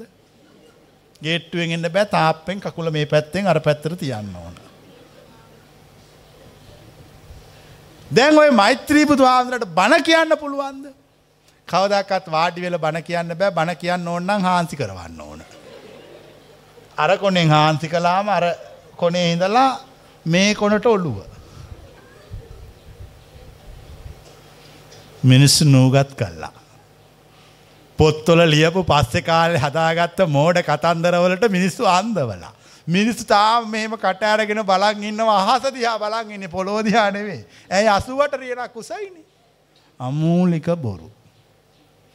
කිසිම දවසක මේ පොළවේ ජීවත් වෙන මිනිසෙක් සාමාන්‍ය මිනිස්සෙකුට වඩා 80ට 90ට 70ට 60ට රියන් උස වෙන්නේ නැහැ. එහෙම වුණෝතින් යම් මනුෂ්‍යයකුට එක්ක එයා පිටසක්වල ජීවියෙක් එහෙම නැත්තං මහාපෘතුවිය තුළ වෙච්ච ජාන විකෘතියක් එහෙම ඇටසැකිලිත් අපි දන්න. ඒවා ඊට වඩා කතා කරන්න ඕනෑ ගැන. ඔක්කොම බොරු කතා. අසූවටරියම් බුදු කෙනෙක්ගෙන් බණහන්න බලන් ඉන්න ගොබ්බ රැලක් තාමත් ඉන්න. බුදුරු කවදකත් අසුවට රියනෙන් වඩින්නේ. බුදුවරු හතර රියනකින් වඩිනවා. හතර රියනකින් වැඩලා අසූවට රියනකට බණ කියනවා. කොබලන එක තේරිච්චාය. හතර රියනකට වැඩලා අසූවට රියනකට බණ කියලා බුදුවරු පිරිණි වෙනවා. තාමත් අර මෝඩයව ටික නිකට අත තියාගෙන අහස දිහා බලන් ඉන්නවා. කවුරු වෙනකන්ද බුදු කෙනෙක් වෙනකම්. තාමත් සමහරු රහත් වෙලා උඩින් යනකං බලන් ඉන්නවා. උන්දලාට කවදාකත් රහතෙක් කම්බ වෙන්නේ නෑ. ඇයි ඇයි උඩින් යනකන්න කවදාකත් බුදුවරු රහතුන් උඩින් යන්නේ නෑ. එහෙම යනවනං බුදුවරු රහතෙන් උඩින් යන්නේ ඉංජිමක නැගලා මිසක් වෙන ක්‍රමයකට නෙවෙයි. වෙන ක්‍රමයකට නෙමේ. ඒවා ගමරාලලාගේ කාලෙ ලියාගත්ත ගොන් කතා. අපි දන්නවා හින්දු සාහිත්‍යයේ රාමායනයේ තියෙනවා හනුමාන් අහා සිංගියා කියලා. එතකොට රාමායනය ගොඩක් පරණයි. බුදු හාමුදුරු ජීවමාන කාලෙත් ත්‍රාමායන කතාවල් තිබිල තියෙනවා. දැන් එතකොට සම්බුද්ධ පරිනිර්වාණයෙන් පස්සේ මේ මිනිස්සුන්ට ඕන වුණා බුද්ධාගම ටිකක් උත්සන්න. රාමායනය ගානට ඉස්සවා. මේ පැත්තෙන් හනුම උඩින් යනෝ අර පැත්තෙන් සක්‍රය යනෝ අර පැත්තෙන් බුදු හාමුදුරුව යනෝ සාරිපෘත්ත මොගල්ලාන අන්දන ආනන්ද නන්ද රාවුල ඔක්කෝම යනෝ දෙවිදත්‍ර නයිමවාගෙන යටින් එනවා. ඔන්න ඔන්න බුද්ධාගම අපි අදාගත්ත එක. ඕක කළේ අර හින්දුවාගමේ තිබිච්ච රාමායනයේ තිබිච්ච හනුමායන්ගේ උඩින් යෑමත් අනෙකුත් හින්දු දේව කතාවල තිබිච්ච උඩින් යෑන් දිහා බල අපටන් නිකන් ලැජ්ජයි වගේනේ. නිකන් දැන් මකුල් ගෙදරක යනකොට කවුරුවක් කැමති නැහැනේ අමුඩයක් ගහගෙන යන්න. අනිත් එවුන් ටයිකෝඩ් දාගෙන සපත්තු දාගෙනකොට අමුඩයක් ගහන් කිව්වොත් ගැලපෙන්නේ නැති හින්දා කොහොම හරි ණයට හරි ටයි එකකුයි සපත්තු දෙකකුයි කෝට් එකකුයි ඉල්ලගෙන ඇඳගෙන යනවා අනි අර පැත්ත මේ පැත්ත ගහ ගහ. අමුඩි ගාන් ගියා නම් ලස්සනට යන්න තිබ්බ කිසි කරදරයක් නැතුව. ඔන්න අමුඩි ගලවන්න ගිහිල්ලා වෙච්ච වැඩි. ඊට පස්සේ මේක දැන් නූතන ලෝකයට එන ඕනේ. මේ යුරෝපීය දැනුම් සම්භාරයකින් පිරිච්ච ආසියාව දැනුමත් එක්ක මිශ්‍ර වෙච්ච ඔන්න අද සමාජයට මේ කැල්ල වැටුණා. ඔොඳ ටිගෙන ගත් අය ඉන්න යුරෝපීය දැනුම තියනවා ආසියාව සංස්කෘතිය දන්න ඒගොල්ල මෙ බලබල හිනා වුණා. හිනාවුනා විතරක් නෙමෙයි උගතුන් කිව්වා කිසිම ප්‍රාතිහාරයක් බුද්ධාගමේ නෑ කියලා. මෝඩයෝ කිව්වා නෑ තියෙනවමයි කියල. ඒ දෙගොල්ලට කවදකත් එක මේසක වාඩි වෙන්න හම්බෙච්ච නැති නිසා ඒ දෙගොල්ල මත දෙකක් විශ්වාස කරගෙන හිටිය. මොකක්ද වනේ. උගතුන්ටයි මෝර්දයන්ටයි කවදාකත් එක මේසක වාඩි වෙන්න හම්බෙන්නේ නෑ. ඒ නිසා දෙගොල්ල මත දෙකක් විශ්වාස කරගෙන ඉන්නවා. හැබැයි එක මෝඩ මිනිහෙක් ඇවිල්ලා. අර මෝඩ මත විශ්වාස කරගෙන හිටපු මෝඩ මිනිස්සු ටික අතින් ඇදගෙන ඇවිල්ලා උගතුන්ගේ මේසෙ වාඩි කලා. මේස ඉඩ මදි නිසා ඉතුරු කට්ටිය බිමින් වාඩි කලා. මේ ඉන්න ගොල්ලෝ. ඉට සේගොලු කල්පනා කළ ඇත්තන මේ කියන කතා මේ ඔක්කොම් පස්සේ හදාගත්ත මගුල්. පස්සේ හදාගත්තම හැදුව කතන්දර. මීදු ආමුදුරුව ඉර්දියෙන් ආව කියල කතන්දරයක් හැදවා. මීදු ආමුදුරුව කිසි කරදරයක් නැතුව සාංචිය දක්වාම පයින් ඇවිල්ලා. සාංචිය වේදිසකිරියේ අම්මගේ ගම ඉඳගෙන මුළු ප්‍රදේශයෙන් බුද්ධාගම පතුරුවලා. එතනින් ඇවිල් ඇවිල්ල මූද ළඟට ඇවිල්ල එතනින් නැවුන කළ ලංකාවටාව. සෙනරත් පරණවිතාන මහත්‍යය සෙල්ලිපිය කියවල කිව්වා එක තියෙන්නේ ඉඩිය අගත. ඉඩහ අගත. උන්න එකවා ඉඩිහ ඉඩිහ කියන්නේ සමෘතිය පිණිසාව. අගත ආවා. කවුද ඉඩිය අගත මහින්ද ඉඩිය අගත. මුන් කිව්වා ඉඩිය අගත ඉරදිීන් ආවා. සෙනත් පරණහිතානක බොරු කතා ඉඩියාගත සමෘතිය පිණිස වැඩම කලා ඕගොල්ලො පිළිගන්නේ මොකක්ද. මම හැමදාම පිළිගන්නේ මගේ ඇහැට කන්ට නාසේ දිව ශරීරයට මේ පංචින්ද්‍රියන්ට ගෝචරණ දැනුම විතරයි. මම කවදාකත් පිළිගන්නෑ පංචින්ද්‍රියන්ගෙන් ඔබ්බෙහි පවතින නොපිළිගත හැකි දැනුමක් විශ්වාස කරල මම පිළිගන්න. මටෙන් පිළිගන්න බෑ. මම පිළිගන්නේ ගමේ මිනිහ කියපු කතාව. සැනත් පරණ විතාන උන්න කියපු කතාව හරි. මුළු බුද්ධාගමම විකෘති කලා. බුදු හාමුදුරුවෝ කකුල් කැඩෙනකම් භාරතය ඇවිද්දා. භාරතයේ ඇවිදලා කකුල් ඉදිමෙනකං ඇවිද්දා. ඇවිදගන්න බැරුව බිම වාඩි වෙලා වතුර බිබී ඇවිද්දා. එක තමයි ඇත්ත කතාව. පරනිර්වාණයට පත්වෙච්ච ගමන් අර අච්චර මහන්සි වෙච්ච බුදු හාමුදුරුවෝ සත පහකටවක් ගණන් ගන්න ඇතුව උඩින් යැව්වා. නිකං කල්පනා කල්ල බලන්න බුදු හාමුදුරුන්ට අය පනාවොත් ඔය පොත් ලියපු එවුන් නොමර මරාවි. මුළු ජීවත් වෙනකම්ම කකුල්වල කරගට එනකන් දූවිලි පෙරාගෙන මුළු භාරතයම ඇවිද්දා. කක් පයින් ඇවිද්දේ කකුල් ඉදිමෙනකං ඇවිද්දා. ඇවිදගන්න බැරුව කකුල් ඉතිබුණ බිම හාන්සි වුණ ගිහිල්ලා. හාන්සි වෙලා ටිකක් ඉදලා නැගටල ආය විද්දා. පිරිනිවිච්ච ගමන්කො ඉරදියෙන් ගියා කියලා. කොච්චර මෝඩ සමාජයක්ද. ඒ නිසා වනේ උගතුන් දහමෙන් අයින් වුණා. විචාරපූරුවක මිනිස්සු අයින් වුණා. හිතන මිනිස්සු අයින් වුණා. නොහිතන මෝඩ මිනිස්සු මේක නටන්න පටන් ගත්තා. මෝඩයන්ගේ රාජධානයක් වුණා බුද්ධාගම. ඉතින් උගතුන් ඔක්කොම අයින් වුණා. හොඳම උගත්තු පැවිදිවලටම සිවරු වැරලා ගිය ඇයි මේක වැඩන්නේ මුංගහන්න බොරුවක්. කිසි දෙයක් කර කයා ගන බැරි ගොබ්බරලා බත් බත් අඹරන්න ඉතුරු වුණා. තවත් පිරිහුණා. දැන් ඒ ඔක්කොම ඉවරයි. දැන් අපි අපිට අවශ්‍ය මතය දැඩි මතයක් ලෙස සමාජයේ ස්ථාපිත කොන්නෝ. ඒ මතය කිසි කෙනෙකුට බිඳින්ට බෑ එක තාර්කිකයි ප්‍රඥා ගෝචරයි ප්‍රායෝගිකයි බොරු නෙමේ ඇත්ත කතාවත්තියෙන්. කිසිම ඔය කතන්දරල තියෙනෙ ඔක්කොම පස්සෙ ලියාගත්ත කතා. ඇත්ත කතාව ගෞතම බුදු හාමුදුරුව භාරතයේ පහළ වෙච්ච විමුක්තිකාමයෙක්. ඔහු සටන් කලා. මිනිස්සු එකතු කරගෙන සටන් කලා. ඔහු සටන් කළේ භාරතය තුළ තිබිච්ච කුලවාදයට එරෙහිව. භාරතය තුළ පැවතිච්ච ඒ සමාජ තලයන්ට එරෙහිව. ඒ සටන් කල්ලා ඔහුළඟ හිටි හිටපු ප්‍රඥාව වැඩිම අයට ඔහු යමක් කිව්වා. ඒ කිව මේ කතාව. කෙලෙගොල සදාකාලික නෙවීමට පත් කළා. ඒ අතර කරපු භෞතිකර කලේ තම සමාජයේ තිබිච්ච සමාජ අසාධාරණට කුලවාදයට ස්ත්‍රියට නිග්‍රහ කිරීමට මේ සියල්ලට සමාජ මතයක් හැදුව. ඔච්චරයි උච්චරයි කළේ. ඕක පස්සේ ආගමක් බවට පත් කරගත්තා. ආගමක් තුළ තරගයක් තියෙන නිසා හින්දුවාගමේ දේව කතාවලල තියෙන ප්‍රාතිහාර කතාවට සමාන වෙන්නම බුද්ධාගමේ කතාව ලිව්වා. ජෛනාගම තමයි භාරතය තිවිච්ච ප්‍රධානාගම ජෛනාගමේ ජෛන මහාවීරක කතාවට සමාන වෙන්න සිද්ධාර්ථ බොසතන් වහන්සේ කතාව ලියලා තිබ්බා. ඔච්චරයි ඇත්ත. හැබැයි කවරුවත් ධර්මය ගැන හෙව්වෙ නෑ. කවරුවත් සුන්නතා ධර්මය ගැන සාකච්ඡා කළේ නෑ. ශුන්්‍යතා ධර්මය වඩන්නේ කොහොමද? ඒක තේරුම් ගත්ත කෙනා මොන වගේද? ඒක තේරුම් ගත්තහම අපි යන්න කොතෙන්ටද? අපේ හිත තියාගන්න ඕන ක්‍රමේ මොකක්ද අපි හිත ඉස්සරහට ගෙනියන්නේ කොහොමද? හිතත් එක ජීවත් වෙන්න කොහොමද? සිහියෙන් ඉන්න කොහොමද? මොකක්දේ ප්‍රායෝගික නිවන් මග මේ අපි දැනගෙන හිටියනේ දැන් වාසනාවකට ඔන්න දැන්ගේ ධර්මය පහළ වුණා. තාමර අසුවට රියන බුදුහාදුරකම් බලන් හිටි කොටසක් දැම් බිම බැලුව දැන් හරි. ඔච්චර තමයි අපට ඕන වනේ. අපට අසුවට රියනක් නෙමේ රියන් දසමටක් වුණත් කමක් නෑ අපට මේක ගැලවෙන විදිය. සසරදුක නිවන විදිය.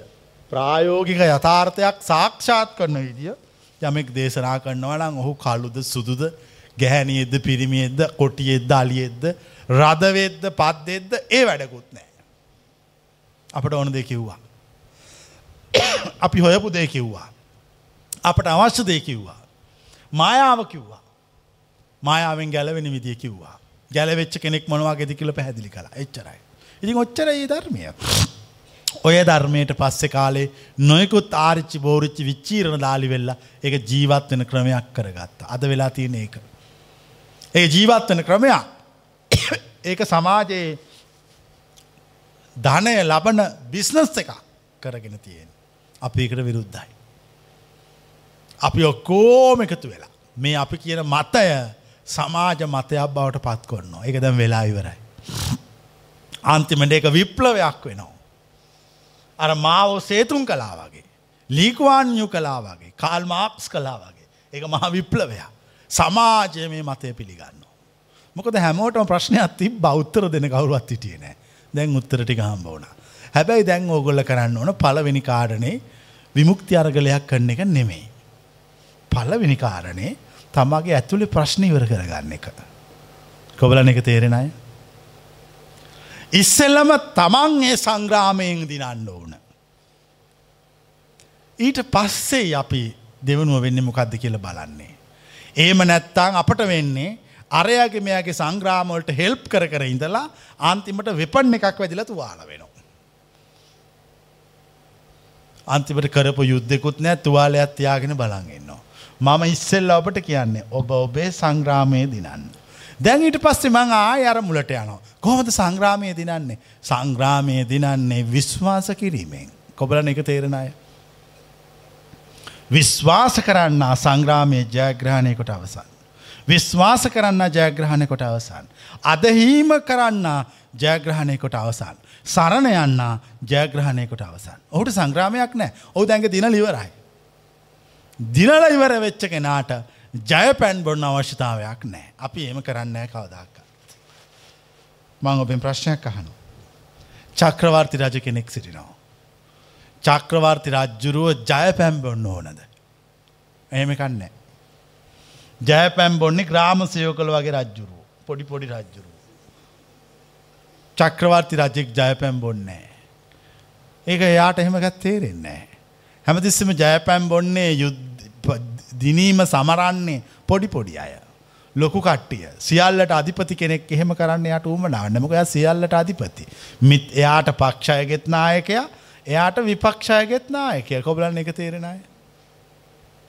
ඒ ඔක්කොගෙම නායකයා. පක්ෂාය දැන් අපි මේ දහමක් දේශනා කරනකොට මේ දාම දෙගොල්ලෙක් කානවා. පක්ෂය අහනවා විශ්වාස කරන්න ඕන නිසා. අදහන්න හා ගැලවීමට සරණ අවශ්‍ය නිසා. විපක්ෂය අහනවා වැරද්දක් හොයන්න ඕන නිසා. මං ඒ දෙගොල්ලන්ගෙම නායකයා. ඒ දෙගොල්ලන්ටම මම නායකත්වය සපයනවා. ඒ දෙගොල්ලම කාගේ පස්සෙ දෙන්නේ. මගේ පසු පස ගමන් කොන්නෝ. දෙම මන්දක්කන සමහල්ලාට කේකෙන ධර්ම දේශන ඇටින් බැනල දාලා තියෙන අප අප මේ වන අහන්නෙත් නෑ මෙට උත්තර දෙන්නෙත් නෑ කියලා ලියල දාලා තියෙන.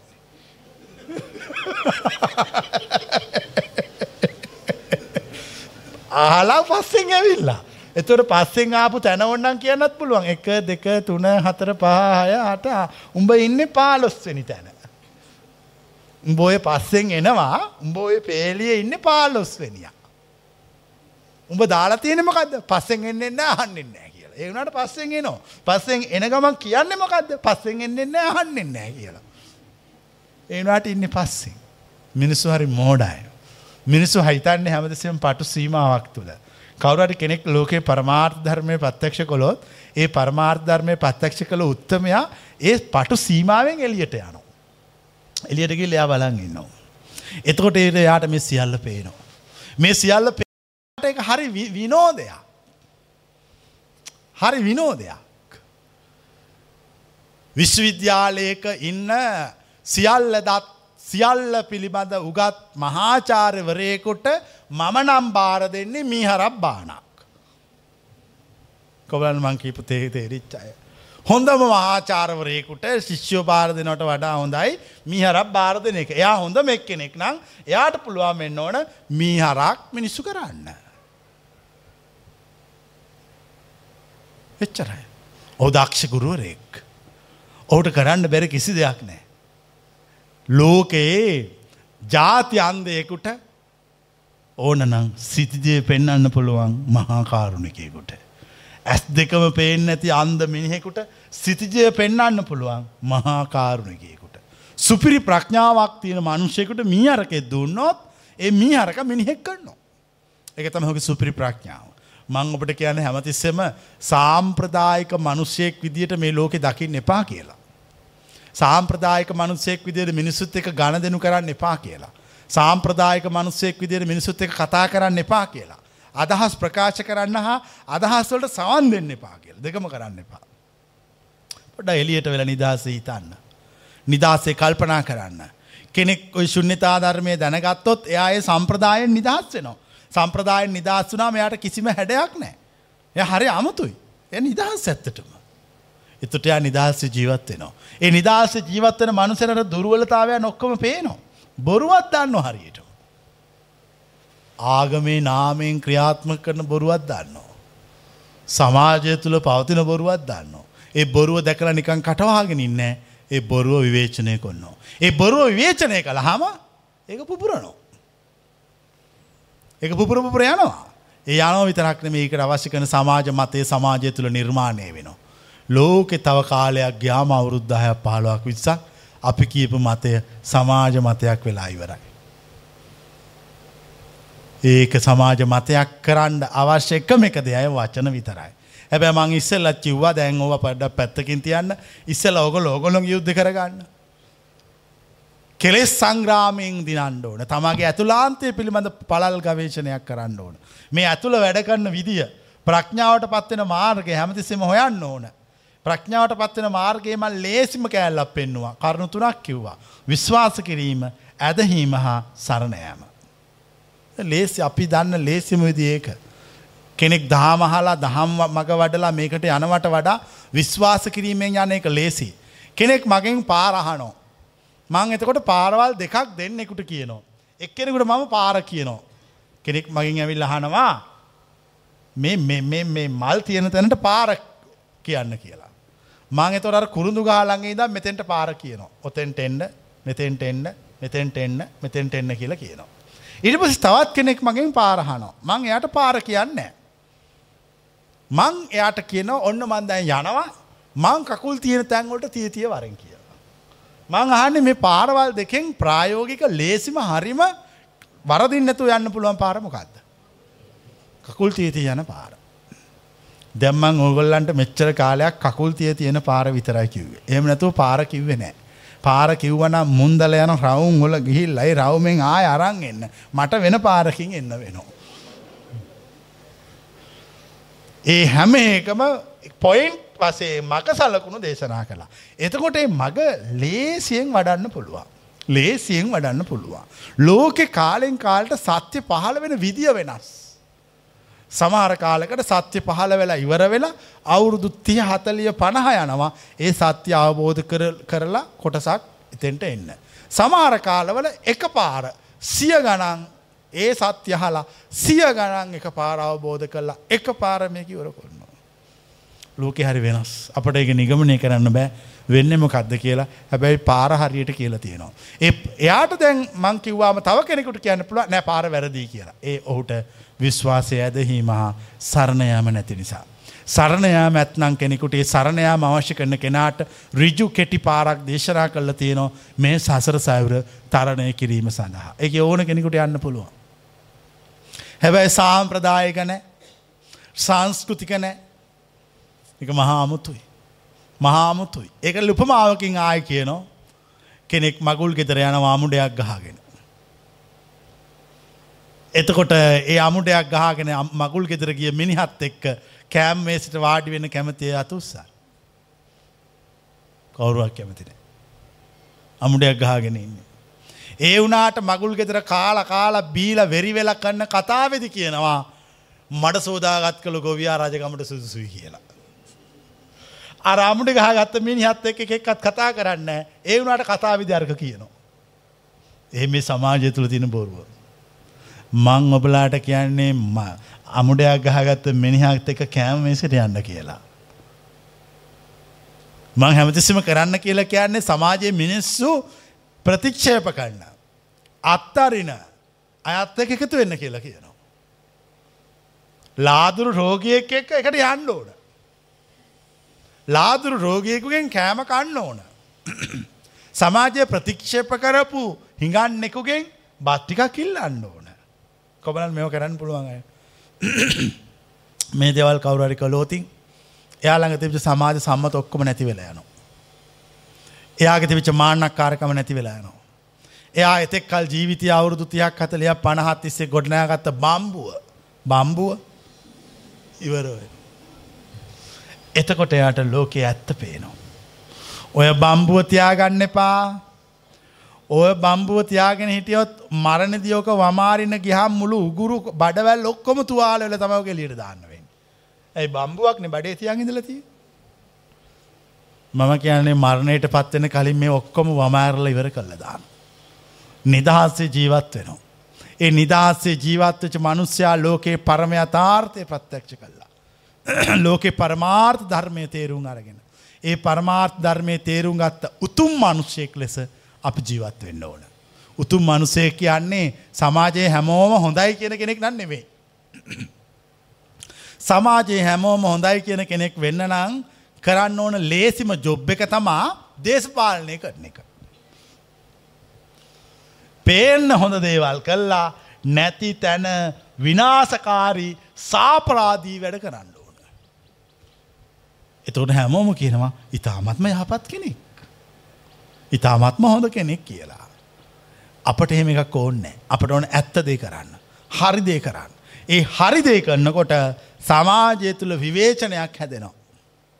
අපට ඕන විවේචනයක්. විවේචනයක් ඕන. විවේචනයක් නැතුව මන්නන් කැමති නෑ. දැන් අර ඊයේ නුවර බණ කියන්න ගිය සාමාන්‍යයෙන් අපි හලා තියෙන්නේ දම්බුලු ගිහිල්ල තලගොයි මරංගෙනවා කියලා. මම මේකට කියන්නේ නුවර ගිහිල්ලා රිලාව් නටවල එනවා කියලා. දෙකම එකයි. නුවර ගිහිල්ල රිලාව් නටවලාවත් එකයි දම්බලු ගිහිල තලගොයි මැරුවත් එකයි.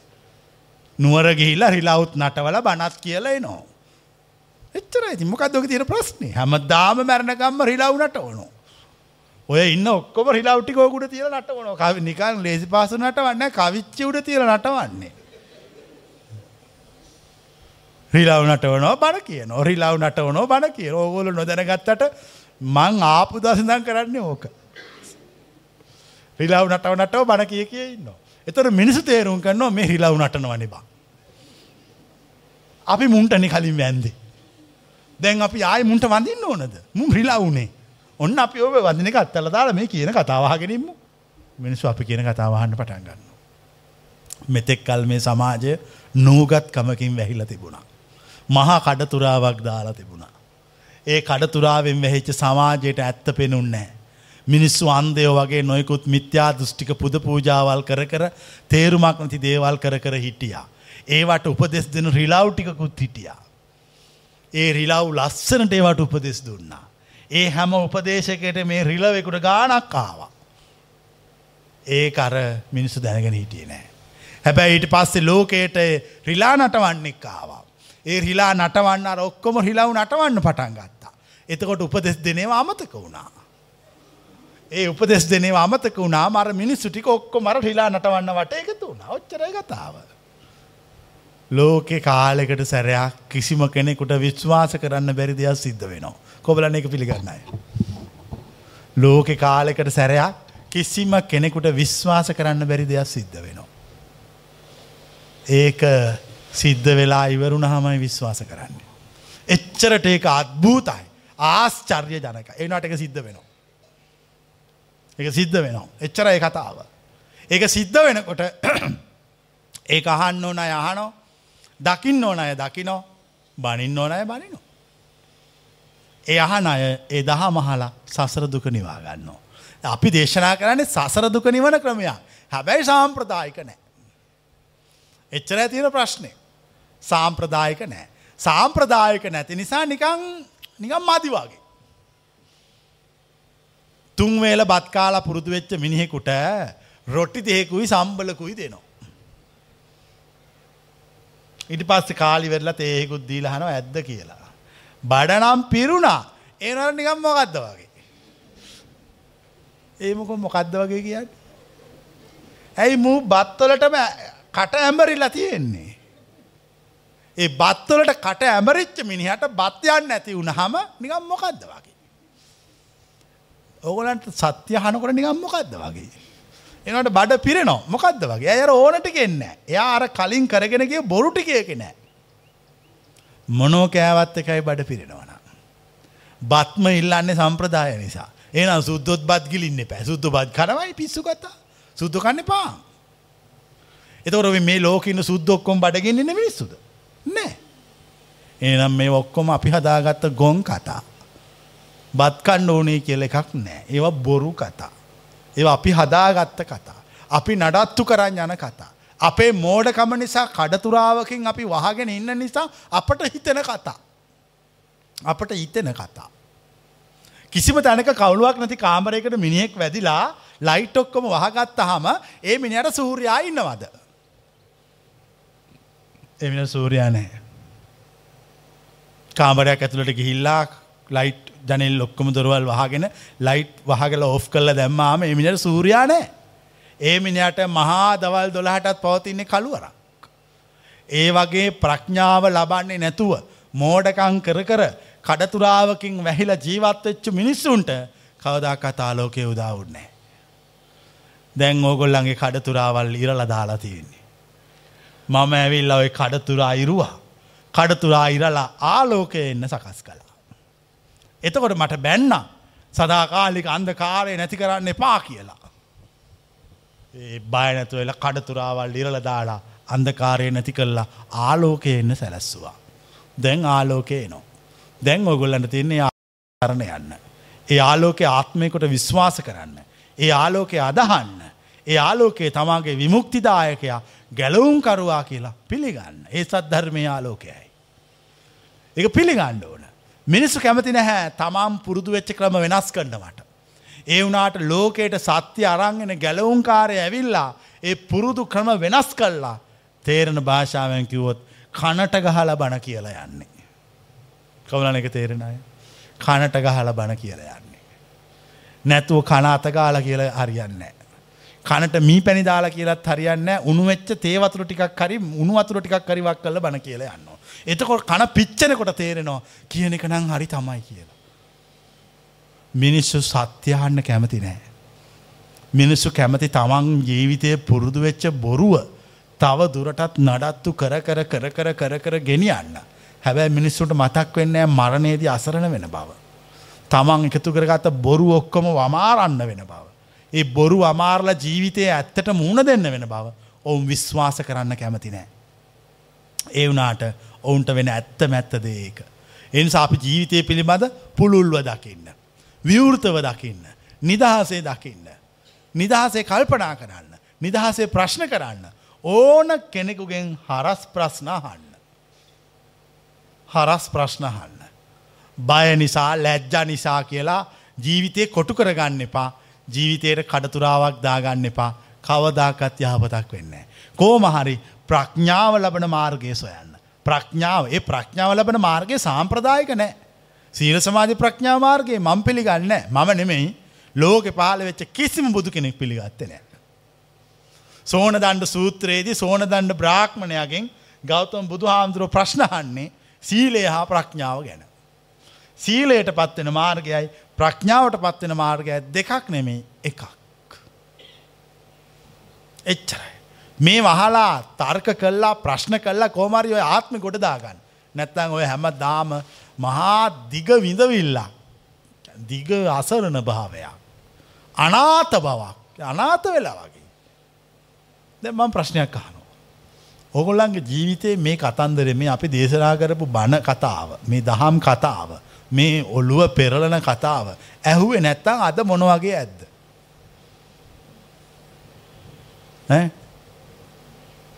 ජීවිතය එපා වෙලා ඉන්නේ. මමත් එහෙමයි. කරන්න දෙයන්නේ. ජීවිතයේ විඳලා යන්න ඕන තැන්ගොල ගිහිල්ලා කන්න ඕන දේවල් කාලා. බලන්න ඕන්න ඒවා බලලා. යාළුව මිත්‍රෝ මේ ඔක්කෝ මැසුරු කොල්ලා. සමාජයෙන් ඉහලම අයත් එක් කතාබස් කළ ආශ්‍රය කළ බලලා නිස්සාරයි කියල පත්්‍යක්ෂ කරගෙන. කරන්න දෙයන්නේ. එතනින් එහාට කකුලක්කත් තියන්න හිතෙන්නේ. ඒ තියනකොටම තියවෙන්නේ කලින් කකුල්. තියනකොට මතක් වෙන කල්නුත් මේක තිබ්බා. දැන් තියෙන්නේ ඊළඟට මේක. දැන් තියෙන්නේ මේක. දැන් තියෙන්නේ මේක. එතකොට ජීවිතය කිසි රසක් නෑ. චිත්‍රපටියක් බලන්න කලින් අපිට චිත්‍රපටි ශාලාවට ගියාම මිනිහෙක් ඇවිල ස්ටේජ් එකට නැකලා කතාව මුල ඉඳලා අගටම කියලා ඉවර කල්ලා නිමි කියලා කියලා චිත්‍රපටි ඕන් කරනවා. කෝබලන් චිත්‍රපටි බලන්න කැමති අය. ඔගොළුගේ ජීවිතය වගේ. කතාව දිගටෝම කියලා නිමි කියලා කියල ඉවර වෙලා චිත්‍රපටි ඔන් කළ ලයිට් දාන. ලයිට් දාලා කියන මං ඔය කියපු කතාව දැන් රූප කතාවක් ලෙස බලන්න කියලා. දෙකම එකයි හත්තිලාවේ කිසිීම ගතියක් නෑ. දැන් ඔය මට තියෙන ප්‍රශ්න ඉස්සරිදල පොඩි කාලෙදලා පටාචාරා කතාව මෙච්චර බලන්නේ ඇයි කියල මිනිස්සු. ඒ කියන්නේ දන්නවා පටාචාරට දරුව දෙන්නම තමයි ඉන්න එකෙක කුස්ස ගෙනනිච්ච කියලා. ආය අර උකුස්ස බලන්න යන්නේ. ඔය උකුස්ස බලහන් සත්තු වත්තක. කොමලන මේ කතාවල් තේරෙන අය. ඊට පසේ දන්නම අංගුලි මාල නමසි අනු නමේම තමයි කැපුවේ කියලා. ආය ගිහිල බලාගෙන නමසි අනු නමේ කපලිවර වෙනකා. නමසි අනු අටකපන් නෑ නේ චිත්‍රපටිය. මිනිස්සු සාම්ප්‍රදායකයි. ගෝත්‍රිකයි. ඒගුලන්ට හිතන්න බෑ. පොඩි කතා ටිකක් මේකට ඔල්ලුවට ෆීඩ් කරලා තියෙනවා. ඔය කතා මාරු කර කර කාලෙන් කාලය හනු. කොබලන්න මෙෝ තේරෙන අය. මටනං ඔය එක කතාවක් එක දවසක් ඇව්වෑන් පස්සේ ආය අහන්ඩ බෑ මොකද ම ආනකොටම තේරෙනවා ඊළඟට ළමය ගැනීම කුස්ස ඇවිල්ලා.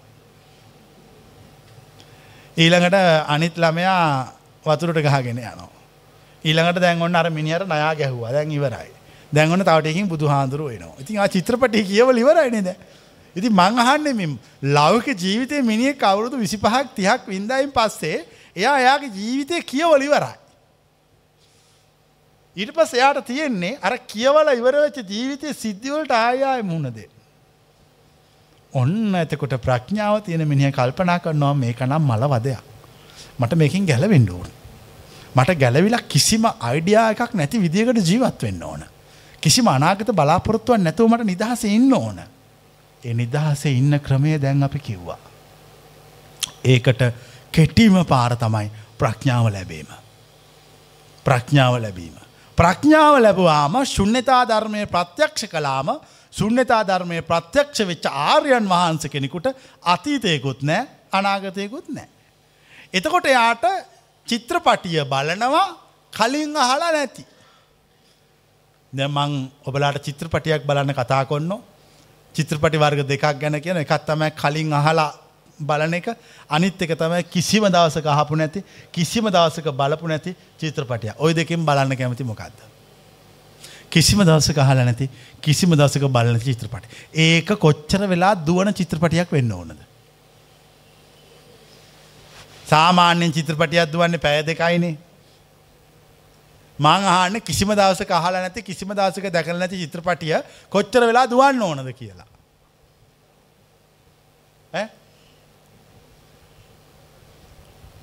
නාකි වෙලා වයසට ගිහිල්ල මැරණකම්ම. එතොට මුළු ජීවිතයම අපි කරපු දේ එකම එක දේමොකක්ද. චිත්‍රපටියක් බල්ල තියෙනවා. රහතෙක් කියන්නේ ජීවිත කාලයේම නවත් අන්නති චිත්‍රපටි බලන්නෙක් කොබලන්න එක තේරෙනයි. එයා චිත්‍රපටියක් බලනවා. ඒ චිත්‍රපටියකට එකට වෙනස්. ඒ චිත්‍රපටියේ හිටියකම යුද්ධ තියනවා දට බඩ ගාල ගහ ගන්නවා. ඉරි පස්සේ ආගාලාට අන්න පටන් ගන්නෝ එක ඒකේව තියෙනවා. යායක දිහා හොය බලාගෙනන්නවා. යුද්ධ තිබ්බ කියලා කලබල වෙන්න.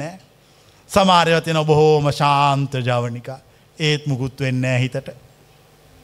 සමාරයව තියන ගස්වලින් වැටනේවා ගස් කඩම් වැටනේවා පෙරලනවා ඒත් කිසි කලබල යන්න. චිත්‍රපටියක් බලගන්න. ඔච්චරයි. මට තේරෙන්නේ මිනිස්සුගේ ජීවිතය චිත්‍රපටියක් වෙන්නේ අතීතයෙන් හා අනාගතයෙන් ඉවත් වනාම. මිනිෙකුට අතීතයෙන් හා අනාගතයෙන් ඉවත් වෙන්න පුළුවන් වෙන්නේ ප්‍රඥාව ලැබුණාම. ප්‍රඥාව මිනිහෙකුට ලැබෙන්නේ සද්ධර්මය ශ්‍රවණය කොළොත්. සද්ධර්මය ශ්‍රවණය කරන්න මිනිහෙකුට හිතෙන්නේ විශ්වාසවන්තයෙක් මුණ ගැහුණොත්. විශ්වාසවන්තයෙක් මුණගැහෙන්නේ සසරපීන් කළොත්. කොබලන එක තේරෙන අය.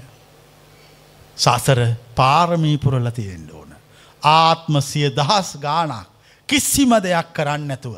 තමාගේ හිත තේරුම් ගත හැකි ගුරුවරයෙක් ලැබෙන ලැබෙන්න ඕන කියලා පින් කරලා කුසල් කරලා තියෙන්න ඕන. වෙන මුකුත් නොකොර එක කොල්ල තියෙන්න ඕන.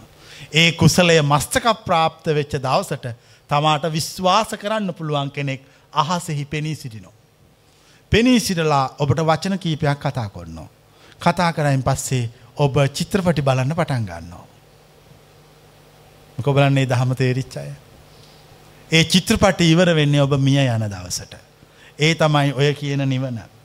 ප්‍රඥාව ලබන මාර්ගය කිසි කෙනෙකුට කලින් පුරෝකතනය කළ නොහැකි. කලින් කල්පනා කල්ල ප්‍රඥාව ලබන්න බෑ මේ මේ විදියට කියලා. පොත් කියවල ප්‍රඥාව ලබන්න බෑ. ප්‍රඥාව ලබන මාර්ගය අහම්බු මාර්ගයක්. ඒක මට තේරෙන්නේ ඒක වෙන්නේ හුඟාක් පින්කරපු මිනිස්සුන්ට විතරයි. දැන් අද ඔගොලු මේ දේශනාව මෙහෙ මහනෝ. පුළුවන් අන්තව අවුරුදු පන්සියකින් ජියවමානවෙන්. පන්සියකින් ජීවමාන වෙලා ඒ ඉන්න උන් කතා කරන්නේ වහන්. එතකොට කියන ඔවුන් ඔක්කොම අනේ අපි ඉපදුනේ නෑනේ ඒ කාලේ. අපි ඉපදුනේ නෑනේ. ඒක තමයි ඇත්ත කතාව. කිසිම දවසක දිවලෝකඉන්න දෙවියෙකුට දිවලෝක වටින් නෑ ඒ ඉන්න නිසා. ඒ දේවතාව අපායට කිය දවසට මතක් වෙන අපරාධ හිටපු දැන හොඳයි කියලා. මනුෂ්‍යයන්ට ස්වබාදහම අවස්ථාව දෙන්නේ අවුරුදු දස්ගානකට සැරයක්. ඒ දස්ගානකට සැරයක් උදාවෙන අවස්ථාවෙන් මිනිියෙක් තමන්ගේ ආත්මය ශුද්ධ කරගත්තේ නැත්තං විමුක්තිය සාධනය කරගත්තේ නැත්තං පරමාර්ථ ධර්මය ශ්‍රවණය කළ ප්‍රත්‍යක්ෂ කරගත්තේ නැත්තං මේ මහා විශ්වය තුළ පවතින මායාකාරී බව සියට සීයක්ම අවබෝධ කරගත්තේ නැත්තං සුබාදහමහයි ආයහුට අවස්ථා දෙනවා බොරු එම දෙන්නෑ. ලැබිච් අවස්ථාවෙන් වැඩේ ඉවර කර ගණ්ඩ ඕනෑ. ආයි ලබනාත්ම නිවන් දකිල්ලක් මෙහි අපි පතන්නේ නැහැ. අපට එහෙම එකක් ඕනත් නැහැ. මොකද ලබනාත්ම නිවන් දකින්න මේ ගේට්ටුවෙන් එහා පැත්තේ ඕන තරම් මිනිස්සු ඉන්න. අපි මේ ආත්මය යනෝ උඹල ලබනාත්මය වරෙල්ලා. ඒ මේ ආත්මය යන්න අවශ්‍ය කරන මාර්ගය අකුරෙන් අකුර පැහැදිලි කොන්නවා. ඇත්තර මට තේරෙන්නේ මාර්ගය දේශනා කරලා ඉවරයි. විශ්වාසයේ මොකක්දෝ ප්‍රශ්නයක් හින්ද. දිනුම් කනුවට වෙලා තරග ඉවර කරන්න නැතුව බලාගෙනන්නවා. හැබැයි ඔබට ඕන වෙලාට ඉවර කරන්න බැහැ ඔබ ඉවර කරන්න ඕන වෙලාව ඔබ ආපු විදියටම හම්බුවක්. මේ සත්‍ය සොයාගෙනාපු ගමන හමුවක් ඉවර කරන එකත් අහඹුවක් අපිට කාටවත් ඒකට පුරෝකතන කරන්න බෑ. ඒම කරනව නය කියන කතා වැරදි. එනිසා අපි කරන්න ඕන ප්‍රඥාව ලබන මාර්ගය සොයන්න ඕන. ප්‍රඥාව ලබන මාර්ගය හැම තිස්සෙම හම්බුවක්. ඒ ප්‍රඥාව ලබන මාර්ගය මේකයි කියලා මම විස්තර කරන්න ගියොත් මම මහමෝඩයෙක්. මං ඒව කරන්න. ප්‍රඥාව ලබන මාර්ගය එකිනෙකාට වෙනස්. එකිනෙකාට වෙනස්. එක්කෙනෙකුට නටනකොට ප්‍රඥාව ලැබෙනවා තවෙක් කෙනෙකුට වාඩිවෙනකුට ප්‍රඥාව ලැබෙනවා. තවයක් කෙනෙකුට කෑම කනකොට ප්‍රඥාව ලැබෙනවා තවයක් කෙනෙකුට වතුර බොනකොට ප්‍රඥාව ලැබෙනවා. තවෙක් කෙනෙකුට නානකොට ප්‍රඥාව ලැබෙනවා තවත් කෙනෙක් ඔළුව පිහිදානකොට ප්‍රඥාව ලබනවා. තවත් කෙනෙක් නිදාගන්න අතර ප්‍රඥාව ලබනවා තවත් කෙනෙක් නැකටින්න හදනකොට ප්‍රඥාව ලබනවා තවත් කෙනෙක් නිදාගන්න හාන්සි වෙනකොට ප්‍රඥාව ලබනවා. කොබලන් මං කෙනෙක තේරිච්චාය. මට තේර රහත් භව එක. ඒම නැත්තුව ප්‍රෝගෑම් කල්ලා දැන් අපි අර කතාවක් කියවනේ ගෞතම් බුදු හාමුදුරුව බුදු වෙච්ච කතාව දැන් ඔන්න වෙලාව දොළහයි මධ්‍යමයාමේ ආරම්භ වුණා හරියටම දැන් තියෙන හතරනි දානයට සමවතින්න ටාං. දැන් මේ බුදු වෙන ප්‍රෝගෑම් එක දැන් හතරනි දානට දැන් මධ්‍යමයාම ඉවරයි දැන් තියෙන ඕකෙන් නැගටින්න අර සූරපප්පයි කතාවේ තියෙන්නේ අන්නේ වගේ එක. මේ ප්‍රඥාව ලබන මාර්ගය එහෙම කන්නෙමෙයි. ඔක්කොම කතා පොත්තුල ලියාගත්ත. සිතාර්ථ බුහන්සේ ඇසතු බෝමුල හෝ යවට කොහෙව පැත්තක ප්‍රඥාව ලැබවා. පෙන්නුම් කරන්න ලක්ෂණයක් නැති නිසා ගහක් පෙන්නවා කොබලන තේරෙනයි. උච්චරයි කතාව. ඒම නැතු අර පොතේ දැන් දැන් ඔගොල්ලු බලන්න මහා පරිනිර්වාණ සූත්‍රයේ ගෞතම් බුදු හාමුදුරුව පරිනිර්වාණයට පත්වන විදිය විස්තර කරනවා. කවුද විස්තර කරන්න. මේ එලිය බලන් ඉන්න රහතු. එතන මට ප්‍රශ්නයක් තියෙනවා. බුදුවරු හිතන දෙයක් බුදුවරු කරන දෙයක් රහතුන් දන්නේ කෙසේද. වැරදි. ඒ ධර්මයට ප්‍රතිවිරුද්ධ. ආයවට ප්‍රශ්නයක් තියෙනවා. ඒක තියෙනවා ගෞතම් බුදුහාමුදුරුවෝ මහා පරිනිර්වාණයට පත්වෙනකොට හතරවෙනි දිහානයට පත්වෙල පරිනිර්වාණයට පත් වනා ගැන අමූලිකම බොරුවක්. නිරෝධ සමාපත්තියෙන් වැඩසිටින බුදුවරු සතරවෙනි ධ්‍යානයට බැහල පිරිනිවෙන්න ඕනේ. තුස්ත දිව්‍ය ලෝක එන්න සන්තුස්ත දිවරාජයා බාරහෙක ඇවිල් අරක්කු විකුණන්න ඕනේ. මං අහන්න ප්‍රශ්නට උත්තර දෙන්න. තුස්ත දිව්‍ය ලෝකයේ ඉන්න සන්තුෂ්ට දිව්‍ය රාජයා බාහිරේ කැවිලා අරක්කු විකුණන්න ඕනේ.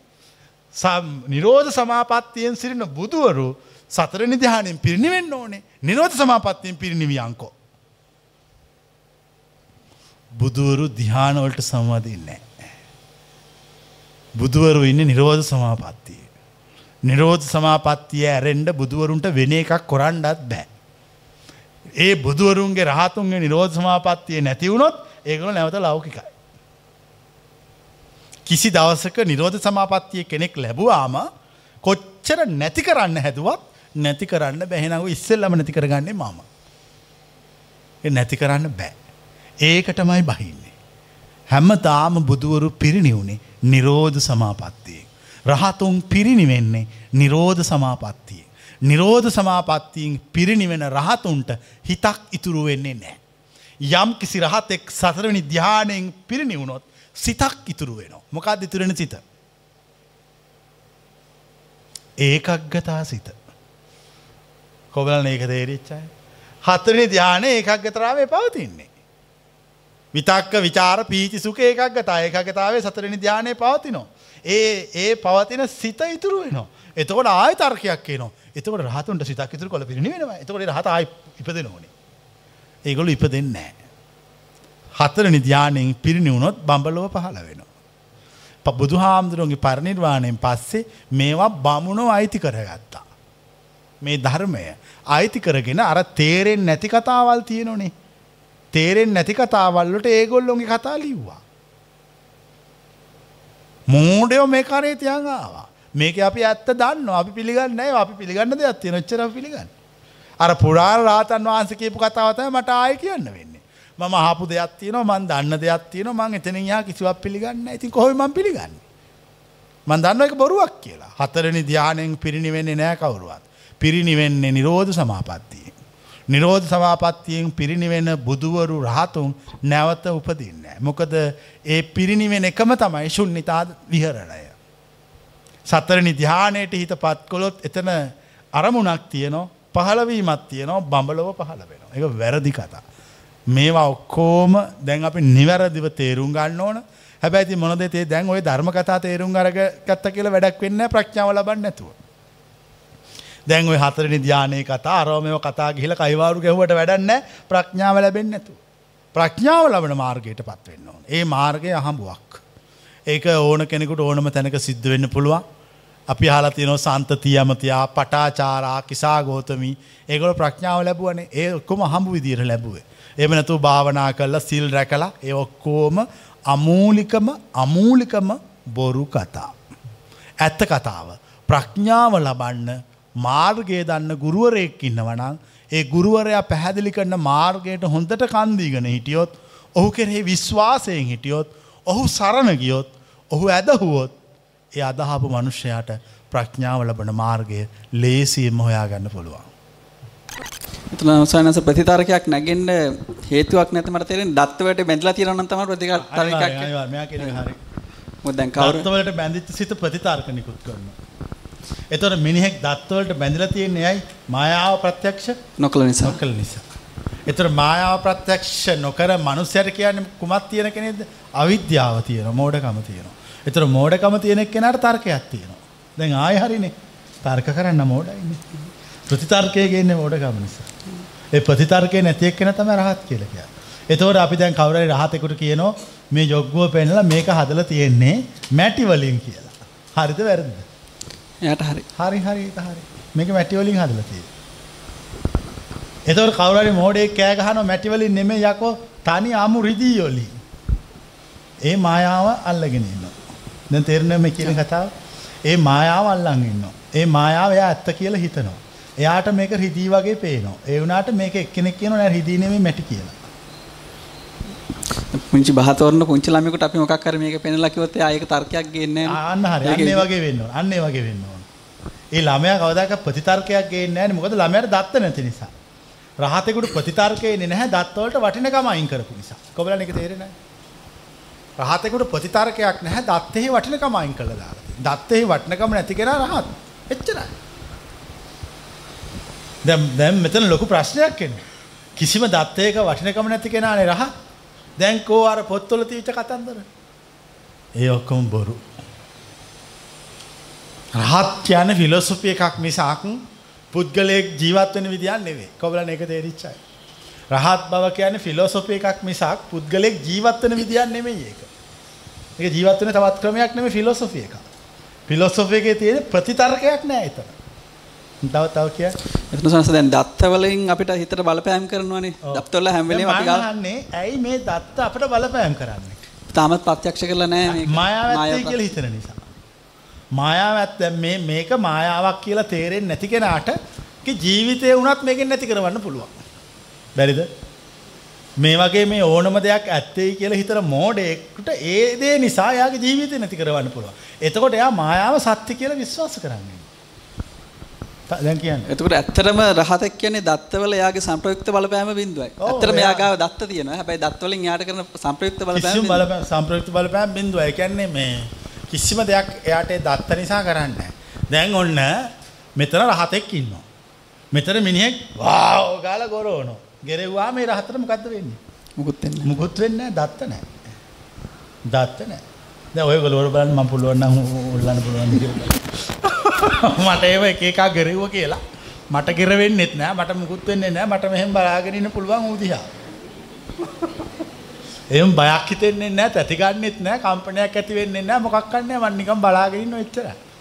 මට එහෙම කම්පණය වෙන්න ඒ- දැන් මේක චෙක් කර කර බැලුවා අවුරුදු ගාණක්. හ්ම් මුකුත් වෙන්නේ නැහැ. තව තියෙනවා කියන්නේ? ඒක අනිත් එක තමයි දැන් අපි හිතමු කෙනෙක් මේ ඔපරේෂන් එකකට යනවා කියලා. ඔව්. එයා දොස්තරව විශ්වාස කරගෙන හරි කියන එයා සිහිය නැති කරන්න සිහිය නැති කරලා ඔපරේෂන් එක කරන්න කියලා. තව කෙනෙක් ඉන්නවා එයාට ෂුවර් නැහැ. දොස්තර මොනවා කරයිද දන්නේ නැහැ කියලා එයා කියනවා සිහිය නැති කරන්න එපා. මට බලා ගන්න ඕනි මුල කෑලි කපයිද කොටයිද දන්නේ නැහැ. මෙහෙම ම- සිහිය තියෙද්දිම ඔපරේෂන් එක කරන්න කියලා. මට තේරෙන්නේ තර්ක කර යන කෙනා අර සිහිය තියාගෙන ඔපරේෂන් එකක් කරන්න කියනවා වගේ තමයි. ඔව් ඔව්. ලේසිම වැඩේ තමයි සිහිය නැති කරලා ඕන දෙයක් කරන්න කියලා. මම කියන්නේ කවුරු හරි මෙහෙ එනවනම් පුළුණුයි පෝමලිනුයි කතුරකුයි අරගෙන වරේ. සිවුරු පාත්‍ර ගේන්න එපා. ඇවිල්ලා මොකද්ද කියන්නේ? කරන්න. නෑ එම්බාම් කරන්න කියන්නේ. ඔපරේෂන් මොන ඔපරේෂන්ද මල් ළඟට ආවෙන් පස්සේ ආයේ. කෙලින්ම stop එම්බාම්. ඒ ඉවර කළා දා. එම්බාම් කරලා ඉවර කරනවා. එතකොට එයා ඒක කියාගෙන ආව නම් ඉවරනේ. වෙනේව කියාගෙන ආවෙන් පස්සේ එයාට ආයේ මෙතන ජීවත් වෙන්න නේ එන්නේ. ෆෝමලින් ගැලුමක් අරගෙන ආව නම් කතුරුකු පුළුණුන් එක්ක මෙන්න මාව එම්බාම් කරලා ඉවර කළා දාපන් කියලා. එතකොට එයා රහත්. ඒ කියන්නේ එයා රහත්. එයාට ප්‍රතිතර්කේ නැති කරගන්න එන්නේ. තර්කය මේ රහත් බව කියන්නේ මේ ඕගොල්ලෝ හිතාගෙන බහුභූතයක් නෙමෙයි ඒක. ඒක මහා අමුතුම දැන් අර තියෙන ජටිල සූත්‍රේ ගෞතම බුදුහාමුදුරුවෝ දෙසන්නේ කෝසලයට.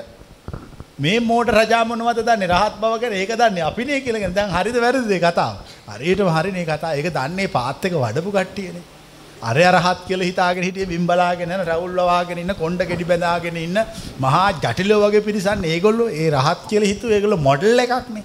මොඩල් එකක් නෙමෙයි රහත් වෙන්න ෆිලොසොෆි එකක්.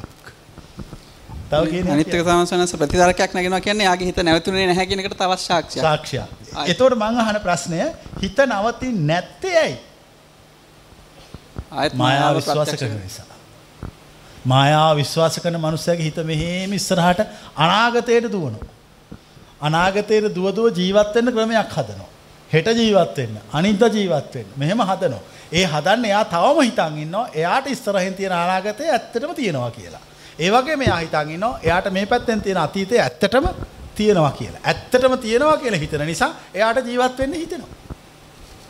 ඒක තේරුණා? ඇත්තටම තියෙනවා කියලා හිතන නිසා ජීවත් වෙන්න හිතනවා. ඇත්තටම නෑ කියලා ප්‍රත්‍යක්ෂ කරාම ජීවත් වෙනවා කියන එක තේරෙන්නේ නැති වෙනවා. තව කියන්නේ මිනිස්සුන්ට ජීවත් වෙන්න ආසාව හිතෙන්නේ තමන් හිතන දේ හම්බ වෙනවා කියලා. ජීවත් වෙන්න ආසාව හිතෙන්නේ මායාව ප්‍රත්‍යක්ෂ කළ නැති නිසා. මායාව ප්‍රත්‍යක්ෂ කළ නැති කෙනාට සැකයක් හැමතිස්සෙම තියෙනවා. ඒක පිළිගන්නවා. සැකයක් තියෙනවා. අස්මිමානය කියන්නේ කොයි පරණ පොත්වල උද්දම් භාගය, ඕරම් භාගය, දසඤ්ඤෝජනවල මාන්න කියන අස්මිමානය කියන්නේ දැන් මේ කෝප්පේ මෙතන තියෙනකොට මට මේ කෝප්පේ ගැන කිසිම සැකයක් නැහැ. මට මේකේ වතුර තිබුණත් එකයි ඊයන් තිබුණත් එකයි මොන මගුල තිබුණත් එකයි. මොකද මම මේක බොන්නෙත් නැහැ බොන්න ඕනත් නැහැ ඔහෙ තියෙනවා. දැන් ඒ වුණාට මේ ඉන්න කට්ටිය මොනවද දන්නේ අර ගැතුලේ. ඒ මේ මු- මෝ- මෝඩකමෙහි යථාර්ථය ප්‍රත්‍යක්ෂ නොකළ නිසා. ඒ යථාර්ථය ප්‍රත්‍යක්ෂ කළ එකාට මේකේ මොක තිබ්බත් වතුර නැතත් අපට කමන්නේ. වතුර නැත්තම් හුලම් බොන්න එක නෙතියේ. තේරුණානේ මේ හැමතිස්සෙම මේ පදාර්ථයට සිත බැඳෙනවා. පදාර්ථයට සිත බැඳෙන්නේ ශුන්‍යතා ධර්මයේ ප්‍රත්‍යක්ෂ නොකළ මිනිහෙක්ගේ. ශුන්‍යතා ධර්මයේ ප්‍රත්‍යක්ෂ කළ ආර්යයන් වහන්සේගේ පදාර්ථයට සිත බැඳෙන්නේ නැහැ. එතකොට දැන් මේ කට්ටියගේ තාම පදාර්ථයට සිත බැඳෙනවා. පදාර්ථයට බැඳෙන සිත අඳුන ගන්න හැකි වරින් වර කම්පණය වෙනවා. කොබලන එක තියෙන යතොස්. වරින් වර කම්පණය වෙනවා. ඒක හරියට මූදෙන් ගොඩට දාපු මාළුවෙක් වගේ. පොඩ්ඩක් නිකන් නැවතිලා මැරිලා වගේ ඉනෝ ආයෙ මෙහෙම මෙහෙම දඟලන්න පටන් ගන්නවා. ආයෙ නැවතිලා ඉනෝ ආයෙ මෙහෙම මෙහෙම දඟලන්න පටන් ගන්නවා. මේ ප්‍රත්‍යක්ෂය අවසන් නොකළ සිත අන්න ඒ වගේ. කොබලන එක තේරෙන අය. ඒක තමයි සිතේ විදිය. ඉතින් ඒක එකපාර නැති කරගන්න බෑ. ඒ විදිහටම තමයි මේ පාත් එකේ ගමන යන්න ඕන. ඒ විදිහටම ඒක පහු කරගෙන ඊට පස්සේ ඔබ වහන්සේගේ ශ්‍රද්ධාව මගේ තියෙන ශ්‍රද්ධාව ඔබ වහන්සේ රහතන් වහන්සේනම ඔබ වහන්සේ දුක්ඛ ආර්ය සත්‍ය සමුදය ආර්ය නිරෝධාච මාර්ග සත්‍ය කියන දේශනා කරනකොට ඔබ වහන්සේ එක තැනකදී කිව්වා සෝවාන් වෙනකම් හොයන්න එපා. අපි දන්නේ නැහැ ජාතිය මොකද්ද, ව්‍යාධිය මොකද්ද, ජරා මොකද්ද, ව්‍යාධි ප්‍රියංගෙන් වෙන්නීම දුක තියෙනවා. අප්‍යන එක්වීමේ දුක තියෙනවා. යම්පිය නැලෙමේ තම්පි දුක්ඛ දුක තියෙනවා.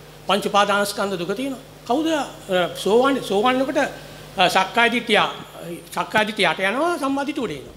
එතකොට එහි සම්මා එතකොට සෝවාන් කියන්නේ එයාට ආબોධ කරගන්න සාමාන්‍යයෙන් පුළුවන් ජාතිය මොකද්ද ජරා මොකද්ද ව්‍යාධිය මොකද්ද හැබැයි හරියටම දන්නේ රහතන් වහන්සේ විතරයි ඒ රහතන් වහන්සේ තමයි දුක්ඛේ ඥාන දුක්ඛ සමුදය ඥාන දුක්ඛ නිරෝධය ඥාන මාර්ග ඥානෙ තියෙන්නේ ඇත්ත වශයෙන්ම ඔබ වහන්සේ දේශනා කරන්නේ ඇත්ත වශයෙන්ම නූපදින්න මමත්වයේ ප්‍රහාණය කරන්න නූපදින්නමයි. දැන් නූපදින්න එපා. දැන් සිතිවිලි තණ්හාව නැති කරගන්න එපා. අවිද්‍යාව. එතකොට දැන් නූපදිනුත් තමයි දෙවෙනි ජාතිය ඇදලා යන්නේ නැත්තේ. ඉතින් ඔබ වහන්සේට ඇත්ත වශයෙන්ම රූප නැහැ. මේ අවකාශයේ රූප නැහැ. අවකාශයේ මේ හිස් අවකාශයේ රූප නැහැ. ඔබ වහන්සේ රහතන් වහන්සේ කෙනෙක් ඔබ වහන්සේට රූප නැහැ. මේ මන්දිර මේකෙම තියෙනවා. ගුරුවරු දෙමාපියන් සහෝදරයන් දරුවන් මිතුරන් අම්මා තාත්තා ගෙවල් දොරවල් යාන වාහන මුතුමැණික්.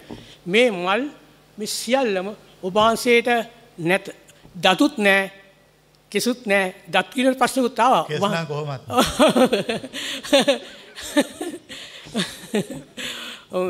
ඇත්ත වශයෙන්ම දත් පිළින දත පිළින ප්‍රශ්නයක් ආවනේ. ඔය ගෞතම බුදුරජාණන්සේ දත් තිබ්බද?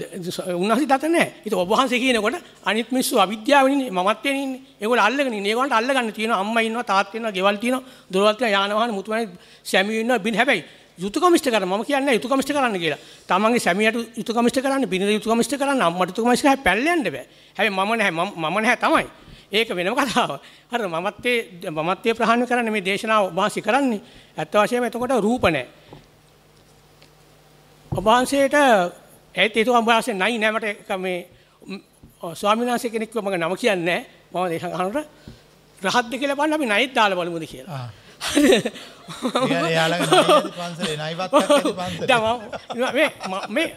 මම සානස. මේ මෙතැන්ට හැබයි අයදම්මත් දෙකට කරලා මමකවා ආරමොකෙත් දෙයක්කොම අඩි හයක අඩිසි බර පෙරලුනත් නාතලිල යන එන මවකා මේ සනන්නව ඇනකොන්්ඩෙක් එනම් පොඩ්ඩක් එහෙමේ කරන්න පුළුව එතන මකවා අර සුරන් අර සන්නස් අර භයානක නෑ තමයි නා මේ ක්ලෝබ් ස්පින් හෝ ඔව් දින අනිත් එක තමයි මේ සුරන්යා කියලා කතාවේ ප්‍රේමපද අඩිවෙත් නාගයෝ ඉන්නවා. ඒ නාගයක්වත් කියන දැම්ම ස්වාමීන් වහන්සේ දුවන්නේ නැහැ. උන්වහන්සේ රූප නැහැ. හැබැයි මම නම් දුවයි. නාය තමයි මම දුවන උපන්දාවට. නාය නවතින්නේ. ඒවා මෙහෙමයි. ඒවා කතන්දරනේ නිකන්. ඔව් කතන්දරනේ. ඒ කියන්නේ යා වැඩියම බය නයාට. ඒක කියන්නේ අපි ඌ දාලා බලමු කියලා. ඇත්තම රහත්ද මේ නේ ස්වාමී රහත්ද රහත්ද කියලා බලන්න මීටර් නැහනේ. සෝවාන්ද රකුතගාමිගේ මීටර් නැහැ. ඒ තමන්ගේ අවබෝධය අවබෝධය කියන්නත් බෑ. අවබෝධය හා ප්‍රඥාව සාකච්ඡාව. සාකච්ඡා. එච්චරයි මේ මාර්ගය. ඊට වඩා ඒක මුකුත් ඒකේ නැහැ. ආ ඇත්තට එතකොට වහන්සේ ප්‍රථම ဒုတိ අධ්‍යානෙ, තෘතිය චාතුර්ථ අධ්‍යානෙ ගැන කතා කරා. චාතුර්ථ අධ්‍යානෙදී අත් වශයෙන්ම නිරෝධ සමාපත්තිය තමයි නිවන්. නිරෝධ සමාපත්තිය තමයි. ස්වාමීන් වහන්සේ ඉන්නෙත් නිරෝධ සමාපත්තියනේ. ඔව්. එතකොට මම කියන්නේ රහතෙක් රහත් බවට පත් වුණායින් පස්සේ නිරෝධයි. මරණකම් ඉන්නේ නිරෝධය කියලා. ඒවා අනිත් පොයි බණ පොත්වල එහෙකවත් ඒව නැහැ. ඒගොල්ලෝ කියන්නේ රහත්වරු සමවදිනවා. බොරු කතා ඒවා. බොරු කතා. රහතෙක් කොහොමත් තියෙන නිරෝධේ. පරමාර්ථය ප්‍රත්‍යක්ෂ කළ ආර්යයන් වහන්සේට නිරෝධයෙන් නැගිටින්න බෑ. එහෙමයි. නිරෝධේ සැතපීලා ඉන්නේ. නැගිටින්න බෑ කවදාකවත් ඒකේ. ඒකට ඒ එතකොට දැන් ওই පොත්වල තියෙන එකක්වත් මම පිළිගන්නේ. ඔය රහත්වරු ගැන කියන්නේ ඔක්කොම බොරු. ලෞකික සිත් පහළ වෙන්නෙත් නෑ. නෑ ලෝකෝත්තරයි. සමස්තය ලෝකෝත්තර. අරහත් පලසිතර යමක් අහුුණොත් ඒ ඔක්කොම ලෝකෝත්තර පහළ වෙන්නේ අර තියෙනවා අපි දන්න ගොයම් පාගන මැසිම ගොයම් පාගන මැසිමට ගොයන් දැම්ම හම මොනවා එන්නේ එක පැත්තකින් වීයන අනි පැත්තෙන් පිදුර වෙන ගොයම් පාගන මැසිමට ගොයන් දැම්ම හම ගොයන් එන්නෑ නිහ පැත්ති කවදක්ත් ඒක වෙන්න ඒ රහතකුත් එහෙමයි. කොච්චර මෙහි ලෞහික දේවල් දැම්මත් අර පැත්තෙන් වී අර පැත්තෙන් පිදුරු. ඒ අරහත් පලසිත කියන්නේ මැසිම ඇතුළ කැරකැවෙනවා රහත් රහත් ධර්ම. ඒක ඒක දන්නේ ඉන්ලයිට්මන්ට් එක පත්්‍යක්ෂ කරපු අය විතරයි. නැති අයර පොතේ තියෙනක විශ්වාස කරගෙනන්න අපි පොතේ තිනක පිළිගන්න මොකද අපි එකත් දන්න අපි දන්න එක පිළිග ඒ ස්වාමීනි ඒක දානි හතර කතාවක් නෑ. දානි හතර නෙවෙයි තියෙන්නේ. දානි හතර මහත්තයා නිහල් මහත්තයා ධ්‍යාන හතර අනුසෝතගාමී. ආ එතකොට ස්වාමීනි මේ සෝවාන් සකර්තක අනගම රහත්. ඕක තමයි හතර. එච්චරයි. භාරතීය සමාජය තුළ ධ්‍යානයට මැච් වෙන්න තමයි මේක කොටස් හතරකට බෙදලා පෙන්වුවේ. වෙන්නේ. හින්දු ආගමේ දාර්ශනික හරයට මැච් වෙන්න බුදුදහමේ හරය සකස් කරගත්තා. මාර්ගයේ ආරම්භය අවසානයේ පවතිනවා. පෙරබුදුවරු අවසානයේ ආරම්භය දේශනා. මේ යන විදිය කියන්නේ. දැන් මම මේ ළඟ දවසක් ආශ්‍රමයට එනකොට සදහා මාස්ටර් කියලා බෝඩ් එක ගාව මහත් එක්ක ඇවිල්ලා හිටියා. සුනිල් ඔයාගේ නම ගල මොකද සුනිල් කියලා. ඔබතුමාට කියන්න පුළුවන්ද මේ සිරි සදහම් ආශ්‍රමය කියන්නේ මොකක්ද කියලා. අර්ථය මට පොඩ්ඩක් කියලා දෙන්න. සිරි සදහම් ආශ්‍රම. මට එතොයි මම ඉවලම අපේ මහත්සර් කෙනෙක් කෙනාට කෝල් එකක් කරන් කිව්වා මේ මට නම් එච්චර අවබෝධයක් නැහැ සර් කියලා. අර මෙයාට කතා කරා නම් හරි කවුද අරිසෙන් අවබෝධ. ඔව් ඒක එයා තමයි ওই නම දැම්මේ. ඔව්. දැන් කිව්වා සිරිකය මම මම කියන විදිහ කිව්වා මේ මේ සිරි කියන්නේ අර සෞභාග්‍යමත්. සිරියාවක් කියලා කියන්නේ අර අව්වයි වැස්ස අව්ව වහින වෙලාවට සිරිපොද වැස්ස කියලා කියන්නේ. අව්වයි වහිනකොට සිරිපොද වැස්සක් වගේ වෙනවා. අර අව්ව වැස්ස නරියම ගොලයි කියලා කියවනේ ඒක අර සිරියාවක්. ඒ දේ දුන්නක් පායලා ඒ සිරියාව. හැබැයි සදහම් කියන්නේ මම දකින විදිහට නම් සසර දුක නිවීමයි ඇස කන නාසය දිව ශරීරය මනසේ සසර දුක නිවීම තමයි සිත හයිය කරලා ධර්මය කියන්නේ හයිය කරන උභාන්සේම දේශනා කරලා තියෙනවා ධර්මය කියන්නේ සිත හයිය කරන එක. හිත හයිය කරන්නේ නැති කෙනෙකුට කවදාකවත් මේ ධර්මය අවබෝධ කරන්න බෑ. අවබෝධ කරන්න බෑ. බෑ ඒ සිත සසර දුක නිවීමයි ආශ්‍රම ආශ්‍රව ධර්ම හතරක් තියෙනවා කාමාශ්‍රව භවශ්‍රව ditthාශ්‍රව අවිජ්ජාශ්‍රව ඒ ප්‍රහාණය කිරීමයි උභාන්සේ ඒ සඳහාමයි දේශනා කරන්නේ එින්න සෞභාග්‍යමත් සසර දුක නිවුනහම ආ, කාමාක්ෂ වාක්ෂ ditth ditth අවිජ්ජාශ්‍රව නිවෙනවා. ආ, ප්‍රහාණය වෙනවා ඊට පස්සේ සසර දුක නිවෙනවා. ඒක සෞභාග්‍යමත් කියලා මම ඒ මහත්යර කිව්වා. ඉතින් මහත්ය මම කිව්වා ඔතනට එන්න එපා. ඇවිල්ලා මේ දේශනාව අහන්න. මේ දේශනාව රහතන් වහන්සේගේ දේශනාවක් සසර ගිය- දුක නිවන දේශනාව අහන්න. ආන සසර සංචාරය කරන්න එපා. සසර සසර නිරෝධ නිරෝධ සසර දුක නිරෝධ කරගන්න. කියලා. දැන් උඟක් දෙනකොට ලා තියෙන බෝඩ් එක ගාව නවතිනවා ඇතුළාන්තයට ඇවිල්ලා බලන්නේ නැහැ ඇතුළාන්තය බලන්නේ නැහැ ඇතුළාන්තයේ තමා තුළ බලන්නේ මේ දේශනාව අහන්නේ මේ දේශනාව අහනකොට තමයි කාන්තියමත් කාන්තිය ආශ්චර්යයක් ඒ වගේම හිල්ටන් හෝටලේ ගාව බෝඩ් එක ගාව නවතිනවා හිල්ටන් හෝක හිල්ටන් හෝටලේ ඇතුළට කියලා බලන්නේ පුරුසන්ද හෝටලේ බෝඩ් එක ගාව නවතිනවා බෝඩ් එක ඇතුළට කියලා බලන චන්ද්‍රකාන්තිය නෑ ඒ ඇතුළට ගිහිල්ලා බලන තරම් ආත්ම විශ්වාසයක්. මොකද යුරෝපීයෝ පුතුගීසි ලන්දේසින්ට යටත් වෙ හිටපු ජාතියක්. ඇතුල් වෙන්න බයයි. මෝ තියනවත් දන්නේ. බය කරලා තියෙන පොඩි කාලේ ඉඳලා. හොයලා ගිහිල්ලා බලලා එහෙම යන්න. බය කරන පොඩි කාලේ ඉඳලා යන්න එපා යකා පණීවි මහසෝනා ඉන්නවා ඔකේ කියලා බය කරලා තියෙන. ඉතින් උන්දලා ආයේ කොහෙවත් යන්නේ නැහැ. ඔබ වහන්සේම ප්‍රශ්න තුනක් අහන්න ඕන. අහන්න. කාමුසුකල්ලිකානේ අත්තු කියලා ඔබ වහන්සේ දේශනා කරා. මං උමන්දායි පොතක දැන් උමන්දා මං හැම යනවා. පොතක මං දැක්කා. ඇත්ත කියන්නේ සත්‍ය කියන්නේ ඔබ වහන්සේ කියලා තිබුණා කාමුසුකල්ලිකානේ යෝගේ යනු. විඳීමට කැමැත්ත. විඳින්න විඳවන්න නැති කැමැත්ත. අනිකට විඳීමට විඳීමට කැමැත්ත විඳවීමට කැමැත්ත. ඔව්. අත්ත කිලමතාන යෝගේ යනු. විඳීමට ඇති අකමැත්ත. විඳවීමට ඇති අකමැත්ත. හරි ඉතින් මම මේ අත් වශයෙන් මේක බලනකොට මට හුඟක් ශ්‍රද්ධාව ඇති වුණා අත් වශයෙන් හරි අවංක හොඳට නියමටම දේශනා කළා තියෙනවා වහන්සේ අත් වශයෙන් විඳීම විඳීම විඳීම සහ ගැලවීම. වහන්සේ මේ- මේ කාමසුකල්ලිකාන යෝගය කියන්නේ මේ ඔහේක පැහැදිලි කරන්න අපරාධ මන් දෙපාරක් කතා කරන එක. දැන් එක පාරක් ඔය දේශනාව කළා තියෙන්නේ. ඒ දෙක මේ මහත්තයට කියන්නේ මොකක්ද කියන එකේ ඩීප් මීනින් එක ගැඹුරු අර්ථය. ඒකේ සාත්තන් සව්‍යංජනං කේවල පරිපූර්ණම් බ්‍රහ්මචර්යම් ප්‍රකාශයති. අර්ථ ව්‍යංජන ගැඹුරු අර්ථයට බමසර කියන්නේ. ගැඹුරු අර්ථ කියන්නේ. ආරංශය කියන්නේ හිත ඒක විඳින්න කැමති. එතකොට ඒක කෙනෙක් කියනවා ඒක දුකක් වෙන්න පුළුවන් සතුටක් වෙන්න පුළුවන්. හිතේ මූලික පරමාර්ථය තමයි ඒක විඳින එක. ඒක තමයි හිතේ කාමසුඛ. විඳින්න කැමති එකයි විඳවන්නත් සමහරලාට කැමති. ඔව් අන්න ඒක මිනිස්සුගේ විඳවන්න විඳවන එක. විඳිනවා. ඔව් විඳවන එක විඳිනවා. ඒක ආංශකල්ලිකානිය. ඒක අනිත් පැත්ත තමයි අත්ති කියලා මතාන. විඳින්න විඳවන්න කැමති නෑ. ඔව්. දැන් ගොඩ- අත්කිලමතාන යෝගය. දැන් සිද්ධාර්ථ කුමාරයා වින්දා. මම හරි දන්නේ නැහැ මට මට විදිහට මම ඉතින් අවිද්‍යාවෙන් කතා කරන්නේ. ඔව්. සිංහ සිද්ධාර්ථ කුමාරයා සිද්ධාර්ථ කුමාරයා වින්දා. සිද්ධාර්ථ කුමාරයා වගේම විඳෙව්වා. විඳෙව් එනවා විඳෙව්වා. ඔව්. විඳෙව්වා ඉන්න එක ලේසි වැඩක් කියලා හිතන්නේ. ගැලවුණා. ගැලවුණා ගැලවුණා ඔබ වහන්සේත් වින්දා. පෙර සිරිදම්ම කාලේ වින්දා. එක ටිකක් හරි විඳවන්න ඇති. අනිවාර්යෙන්. ටිකක් නෙමෙයි. වින්දාට වඩා විඳෙව්වා. විඳෙව්වා. විඳෙව්වා. ඊට පස්සේ ගැලවුණා. හැබැයි විඳෙව්වා. ඔබ වහන්සේ ගැලවුණා. ඔබ වහන්සේ රහතෙක් සසර දුක ඉවරයි. නත්ති දහනි පුනබ්බහව කියන්න පුළුවන් ඔබ වහන්සේට පමණයි. වෙන කිසිම කෙනෙකුට රහත් එකට හැර වෙන කිසිම කෙනෙකුට නත්ති දහනි පුනබ්බහව කියලා කියන්න බෑ. භවය ඉවරයි. වාපච්චා ජාත ඔබ වහන්සේ ම- අනිත් ප්‍රශ්නේ දැන් අම්මා තාත්තා ගෙවල් දොරවල් යාන වාහන මුතු මැණික් මල් ඔක්කොම රෝස මල් සිතේම හටගෙන සිතේම රුද්ධ වෙනවනේ ඔව්.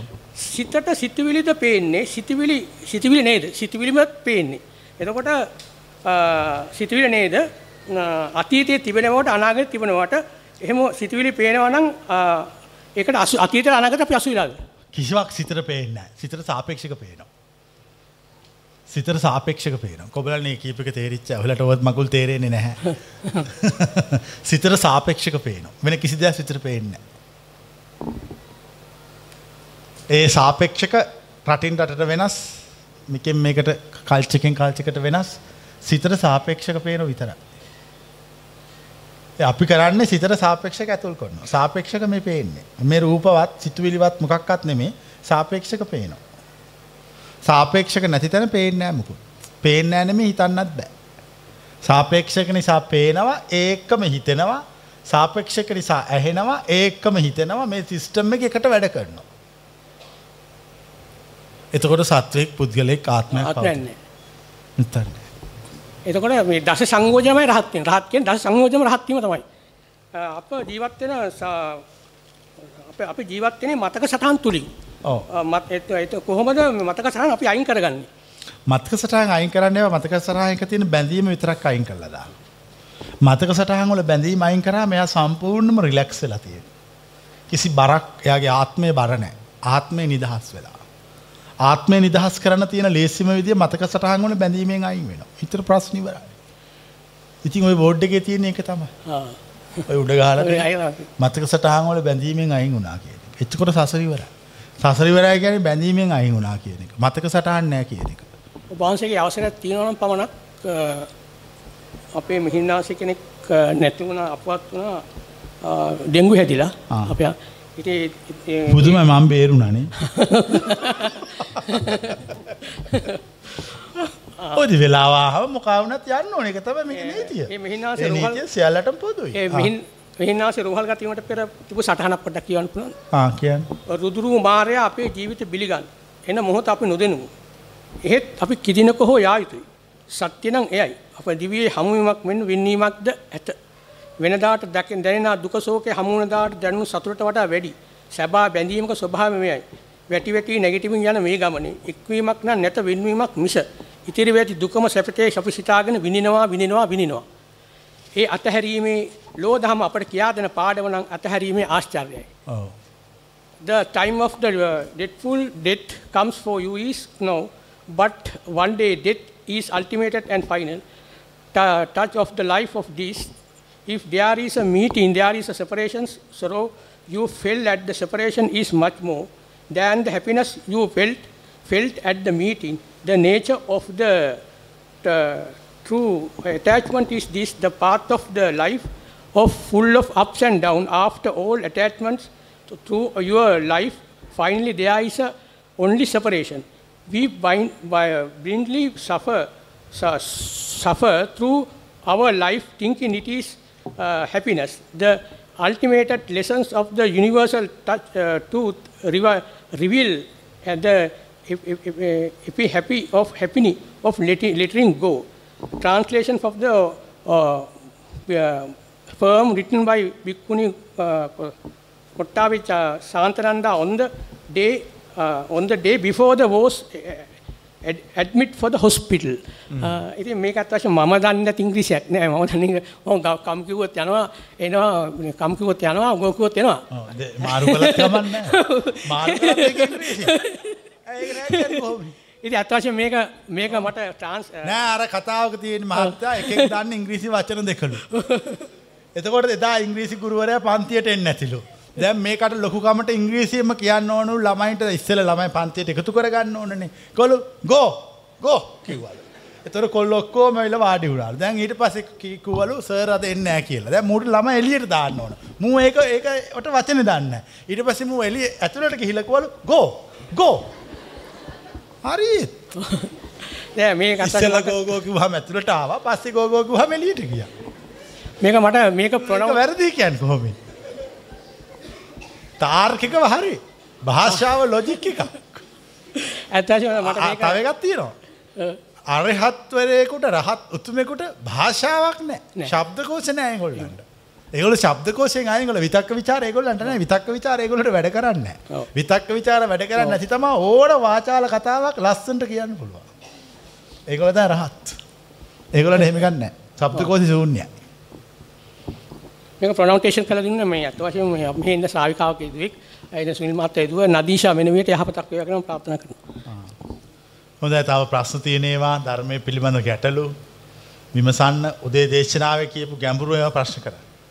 ශුන්්‍යතා ධර්මය ප්‍රශ්න කරන්න ඕන. නැත්තං අපරාදේ. අවසරයි ගරු ස්වාමින් වහන්ස. මමට ඊ- මීට අවුරුදු පහකට විතර කලින් හිතුණා සෝතාපන්න වුණා නම් හොඳයි කියලා. ඊට පස්සේ මම සෝවාන් වෙන්න ඒ බලාපොරොත්තුනේ පොත්පත් බලලා. මම ඉස්සෙල්ලම පටන් ගත්තේ පටිච්චසමුපාද විවරණය කියන පොතෙන්. චත්තාරීසකාර මහා විපස්සනා භාවනාව සතිස් බෝධිපාක්ෂික ධර්ම. ඊට පස්සේ මම මේ පොත් කියවන්න ගත්තාම මට දැනුමක් ලැබුණා. ඉන්පස්සේ ස්වාමින් වහන්සේ මම හිතුවා දැන් සමාධිය වැඩෙන්නම් භාවනා කරන්න ඕන කියලා මම ධානය වඩන්න ගත්තා. ප්‍රථම ධානය ද්විතීය ධානය ওই විදිහට ධානය වැඩුවා භාවනා කරා විනාඩි 45ක් විතර මගේ හිත සමාධිගත වුණා ඒ අවස්ථාවල ස්වාමීන් වහන්සේ මම මගේ පෙර ආත්ම භාවයන් පවා දැක්කා මිනිසුන්ගේ පෙර ආත්ම භාවයන් කරපු අකුසල පවා දකින්න ගත්තා මට හිත සාපේක්ෂකයි. ඔව් ස්වාමීන් ඒ වහන්සේ ආත්ම බව පේනේව සාපේක්ෂකයි. මේ ඊට පස්සේ මිනිස් එකක් තුල පේන්නේ. ආ, දැන් කිය. මිනිස්සුන්ගේ- පිළිගන්නේ. ඔව් ස්වාමීන් වහන්සේ ඒවෙන් මට මේ දුක නිමුන් නැහැ ඊට පස්සේ මම බලාපොරොත්තු නිවෙන්නේ නැතුව ඔක්කොම දැක්කත් වැඩක් නැහැ නේ. වැඩක් නැහැ ස්වාමීන් වහන්සේ. පස්සේ මම ඒ වත ඇරිය ඔක්කොම මේ සිල් ගත්තා. ඒ හැමදේම කරා පිරිත් සිල්. ගත්තේ කොහෙන්ද? මොන කඩෙන්ද ගත්තේ? ඒක එක එක කඩ තියෙනවනේ කඩවල මුදලාල්ලා සිල් තියාගෙන ඉන්නවා පොය දාසේ උදේට. ඒවා ගියාම සිල් දෙනවා. අපි සිල් ගන්නවා. ඔව් ස්වාමීන් වහන්සේ අවුරුදු පහ සිල් සමාදන් වුණා. ඒත් ඊට පස්සේ මට තේරුණා මේ කිසි දෙයකින් මං හොයපු දේ මට හම්බුන්නේ. හිතේ හැමදාම අඩුවක් තිබුණා. නිවන කියන්නේ මොකද්ද කියලා මම හෙව්වා. ඔබ වහන්සේ මීට අවුරුදු 12කට කලින් කරපු ධර්ම දේශනාව මම ඇහුවා. නමුත් මගේ අවාසනාවට මේ අවුරුදු 5ක් ඇතුළත කාලේ ඔබ වහන්සේගේ දේශනාව අහන්න ලැබුණේ නැහැ. ඒක පව ඒක. ඒක පව ඒක පවස මං ඒ අවුරුදු පහේ අතර මං වුණා. ඔව් ඒක තමයි සාපය. ඒ සාපයට මේ ඔක්කොම අහුවෙලින්නේ. ඔව් ස්වාමීන් කලාතුරකින්. කෙනෙකුට සූර්යයා පේනවා. ඒතොර සාපයෙන් නිදහස් වෙනවා. ඒක මම මට. අවුරුදු 12කට මට මේ කවුරුවත් බලෙන් සූර්යයා පෙන්වන්න මට අවසර නැහැ. මට තියෙන මේ දේශනාව කරන්නයි. දැන් ඊයේ පෙරේද අර එක ළමෙක් ඇවිල්ලා කිව්වා ඒගොල්ලෝ මේ බණ අහන්න පටන්ගෙන 2012 කියපු බණක් තමයි ගිය සතිය අහලා එයා මේක හොයාගෙන තියෙන්නේ. ඒ ළමයා අහන කියනවා මම මොනතරම් ගොනෙක්ද? මේක 2012 කියපු එක. දැන් 2017. මේ අවුරුදු පහම මම විඳෝ විඳෝ හිටියා. ඒ වුණාට මම ගොඩ ගියේ 2012 එකක් අහලා. එහෙමයි ස්වාමීන් වහන්සේ. පුදුම බවක් ඒක.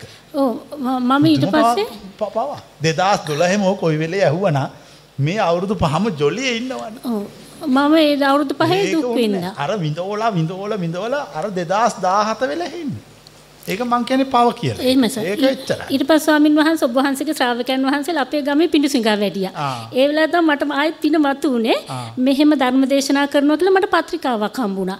ඊට පස්සේ මම දැනගත්ත ඔබ වහන්සේ එනම් ආයෙ- පින්ඩ පාතේ හොඳ කෑම හොඳට ලැබිලා තියෙනවා පාට කියන්න කියන්න ඊට පස්සේ තිබුණ VFM එකේ ඔබ වහන්සේගේ ධර්ම දේශනා තියෙනවා කියලා මම අහන්න ගත්තා. එතකොට මට මහා සතුටක් දැනෙනවා ස්වාමින් වහන්සේ.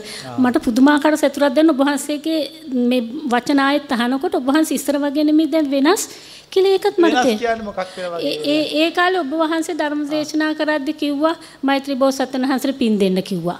මම ඒකත් කරා. මෛත්‍රී බෝසත්ණන් වහන්සේ වෙනුවෙන් දවසක් ඔබ වහන්සේ කිව්වා අඩි 8ක් උඩින් රෑ 8යි යටට පහනක් පත්තු කරන්න කිව්වා. ඒ බහන පත්තු කරා. මට අඩි 8ට පහනක් තිබුණේ නැද්ද? හැබැයි මම පින් දෙන්න ගත්තා මෛත්‍රී බෝසත්ණන් වහන්සේට. ඊට පස්සේ මට දෙවෙනි පුතා හම් වෙන්නින්ද ඔබ වහන්සේගේ ධර්ම දේශනාව මම සෑහෙන්න අහන්න ගත්තා. අපේ පුතා ඉපදිලා දෙකයි හරි පුදුමයි ඔබ වහන්සේගේ ධර්ම දේශනා අහනවා. කතා කරා? දැන් අවුරුදු 9 දැන් කොයි එහෙනම් වෙලේ පොඩ්ඩක් පරිසම් කරගන්න වෙයි. ඕ දැන ස්වාමීන් වහන්සේ ඉරිදා උදේට එයා තමයි මට කියන්නේ අම්මේ සම්මාදිට්ඨිය රෑ 4 කියලා රේඩියෝ එක දාන්නේ.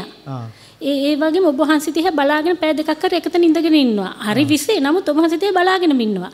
රෑ නිදියන්න කලින් මගේ ෆෝන් එක අරගෙන ඔබ වහන්සේගේ දේශනා තියෙනවා. ඒ බණ ටිකක් අහලා තමයි නිදිය ගන්නෙ. ඔක්කොම වැටි එහෙනම් කියලා. වැඩි කල් ඉන්න කන්නේ ගෙදරට. එම ස්වාමීන් වහන්සේ කෙනෙක්ගේ මූණක් තියෙන්නේ. පොඩි කාලේ ඉඳලා දැන් ඒ කාලේ කිව්වනම් කියයි අනිවාර්යෙන් ඒ ළමයා මගේ කියලා. අනිවාර්යෙන් කිය. අනිවාර්යෙන් කිය.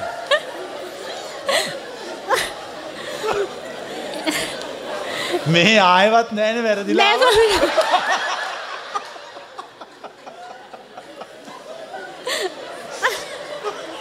ආ කියන්න කියන්න කතාව කියන්න. ස්වාමීන් වහන්සේ මේ නිවන කියන වචන ඇහුණා සාදු කියනවා පොඩි කාලේ ඉඳලා. ඒ වගේ කරනවා මේ කොහොමද දැන් ඔය මම- වගේ ළමයි කීයක් විතර ඉන්නවා කියලා දන්නවද? නෑ ඔය වගේ ළමයි 1000ක් ඉන්නවා. මා දැන් කියාගෙන කියාගෙන. මගේ ලොකු පුතා ස්වාමීන් වහන්සේ ඔබ වහන්සේගේ දේශනා අහනවා. එයාට අවුරුදු 16ක්. ගිය අවුරුද්ද ඇහුව එක දේශනාවයි ඒකෙන්ම එයා හැදුනා. එයා කියනවා අම්මේ මගේ හිතේ තිබ්බ දුක ඔක්කොම නැති වුණා.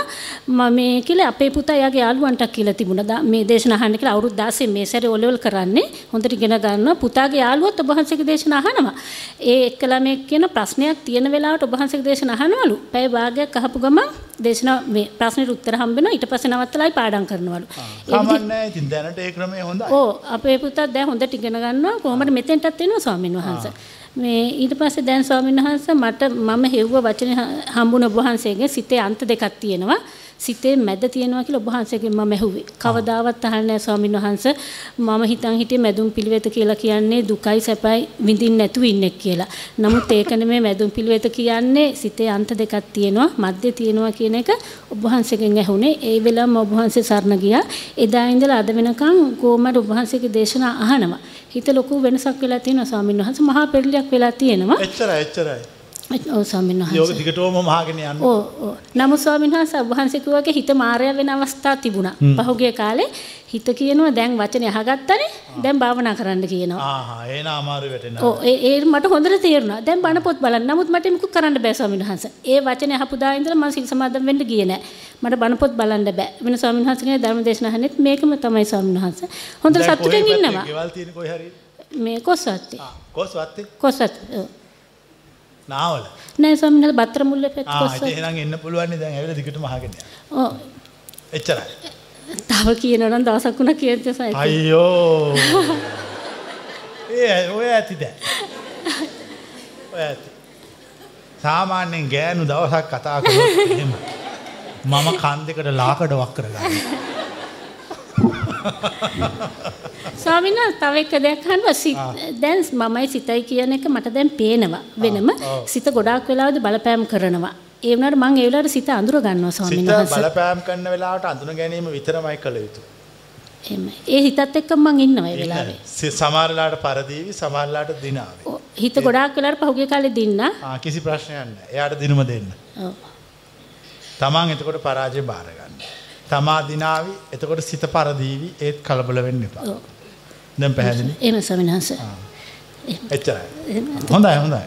දැන් මේ අද පළවෙනි දවසේ මෙහි ආපු පළවෙනි දවසේ ආ ඉතින් එයා හොඳයිනේ දැන් ගෙදර හිටියත් තමන්ගේ කරන්න ඕන දේ කරගෙන තියෙනවනේ වඩලා තියෙනවනේ මග. ඒක තමයි වෙන්න ඕනේ. එහෙම නැත්නම් වැඩක් නැහැ බොරුවට මෙතන කයිවාරු ගහ ගන්න. ගරුතර ස්වාමීන් වහන්සේගෙන් අවසරයි මේ මට පසුගිය සතියේ පොඩි සිදුවීමක් වුණා. මං හිතන්නේ මං අර දිව්‍ය ලෝකේ බෝංචි වෙලා දැක්කා කියලා තමයි මට හිතෙන්නේ. මේ ඇත්තටම මගේ යාළුවෙක් මට කතා කරා මේ පටිච්ච සම්පාදය ගැන හොඳ දේශනයක් තියෙනවා මේ යමුද කියලා. ඉතින් මං ස්වාමීන් වහන්සේගේ දේශනා ඇරි වෙන කිසිම දේශනාවක් අහන්නේ. මට අනිත් දේශනා දිරවන්න දිරවන්න දෙකක් තියෙනවා. හැබැයි මේ දවස්වල කටර පින්කමෙන් මම පොඩ්ඩක් බණ අහනවා. මොකද හිත නිවන බණක් කොහෙද කියන්නේ කියලා. හැබැයි තාම නම් හම්බුන්නේ නැහැ හිත නිවන බණක්. ඉතින් ස්වාමීන් වහන්සේ හිත නිවන බණ නෙවෙයි ඔක්කොම තියෙන සාක්කුව හිස් වෙන බණ. ආ කියන්නේ කියන්නේ. ඉතින් ස්වාමීන් වහන්සේ මේ පටිච්ච සම්පදාය කියන අර දේශනාව හොඳ එකක් ඉඳා. මං කොහෙනම් මං එන්නම් කියලා. මොකද ඒ යාළුවා මං කොහොම හරි දවසක් මෙතෙන්ට එක්කන් ආවා. ඉතින් ඒකට ගරු කරන්න කියලා මම ගියා. හැබැයි ඉතින් මං එක එකනා ණය වුණාම තියෙන වැරද්ද තමයි ඒක. අපි වගේ ණය නැතුව හිටියනම් හරි. ආ කියන්න. ඉතින් ස්වාමීන් වහන්සේ දැන් පටිච්ච සම්පාදයේ දේශනේ පටන් ගන්න කලින් මේ මම බලපුවා බැලුවා ගියාම මේ ගිහි ගිහි පින්වතෙක් වයිට් බෝඩ් එක ගෝලියෝ ටික දාගෙන මේ පටිච්ච සම්පාදයේ ලියනවා. ලියනවා. ලියනවා. ඉතින් ස්වාමීන් වහන්සේ මට මේක ඔළුවේ තියාගෙන ඉන්න බෑ. මං කොලේක ලියාගෙන ආවා. ඒකේ ලියලා තිබුණා අවිද්‍යා සංකාර විඥාන නාම රූප සලආයතන පස්ස වේදනා තණ්හා උපාදාන භව ජාති ජරා මරණ කියලා ලියලා දැන් ඒගොල්ලෝ පිළිත් කියනකොටත් කියනෝනේ ওই ටික. ඔව් වහන්සේ ඊට පස්සේ මේගොල්ලෝ කරන්නේ මේ තියෙන එක එක විග්‍රහ කරනවා. ඒ කියන්නේ අවිද්‍යාව කියන්නේ කාමාශ්‍රව, භාවාශ්‍රව, අවිද්‍යාශ්‍රව. සංකාර, කාය සංකාර, චිත්ත සංකාර, වචී සංකාර. මම ඔක්කොම කියන්නේ නැහැ මේ. මම දන්න ඔක්කොම මම ලියන්න ඕනේ නැහැ. මට එකක් කිනුට සාමාන්‍ය මට දැන් මේ මේක අහගෙන ඉන්නකොට මට ඔළුව එකක් හැදුනා. ඉතින් සාමාන්‍ය අපි බණක් අහන්න ඉන්නේ තියෙන ඔළුව ඔළුව එකක්ම නැති කරගන්නේ. මං අහක තියෙන ඔළුව එකක් මම මගේ ඔළුවේ දාගත්තා. ඉතින් ආ ඉතින් පස්සේ අන්තිමනුනේ මොකද්ද? ඉතින් අතන මේ මට හිතාගන්න බැහැ මට මේ මොකද්ද උනේ කියලා. ඉතින් මේ මේ මං අහන්නේ නිවන් ගන්න අපි මෙච්චර කට්ට ගන්න ඕනේ කියලා. කිසිම කට්ටක් කන්න ඕනේ. අර බෝඩ් එක පෙරලලා ඉවර වෙලා. උඹ කියන්නේ බොරු කියලා ආවනම් එතකොට නිවන.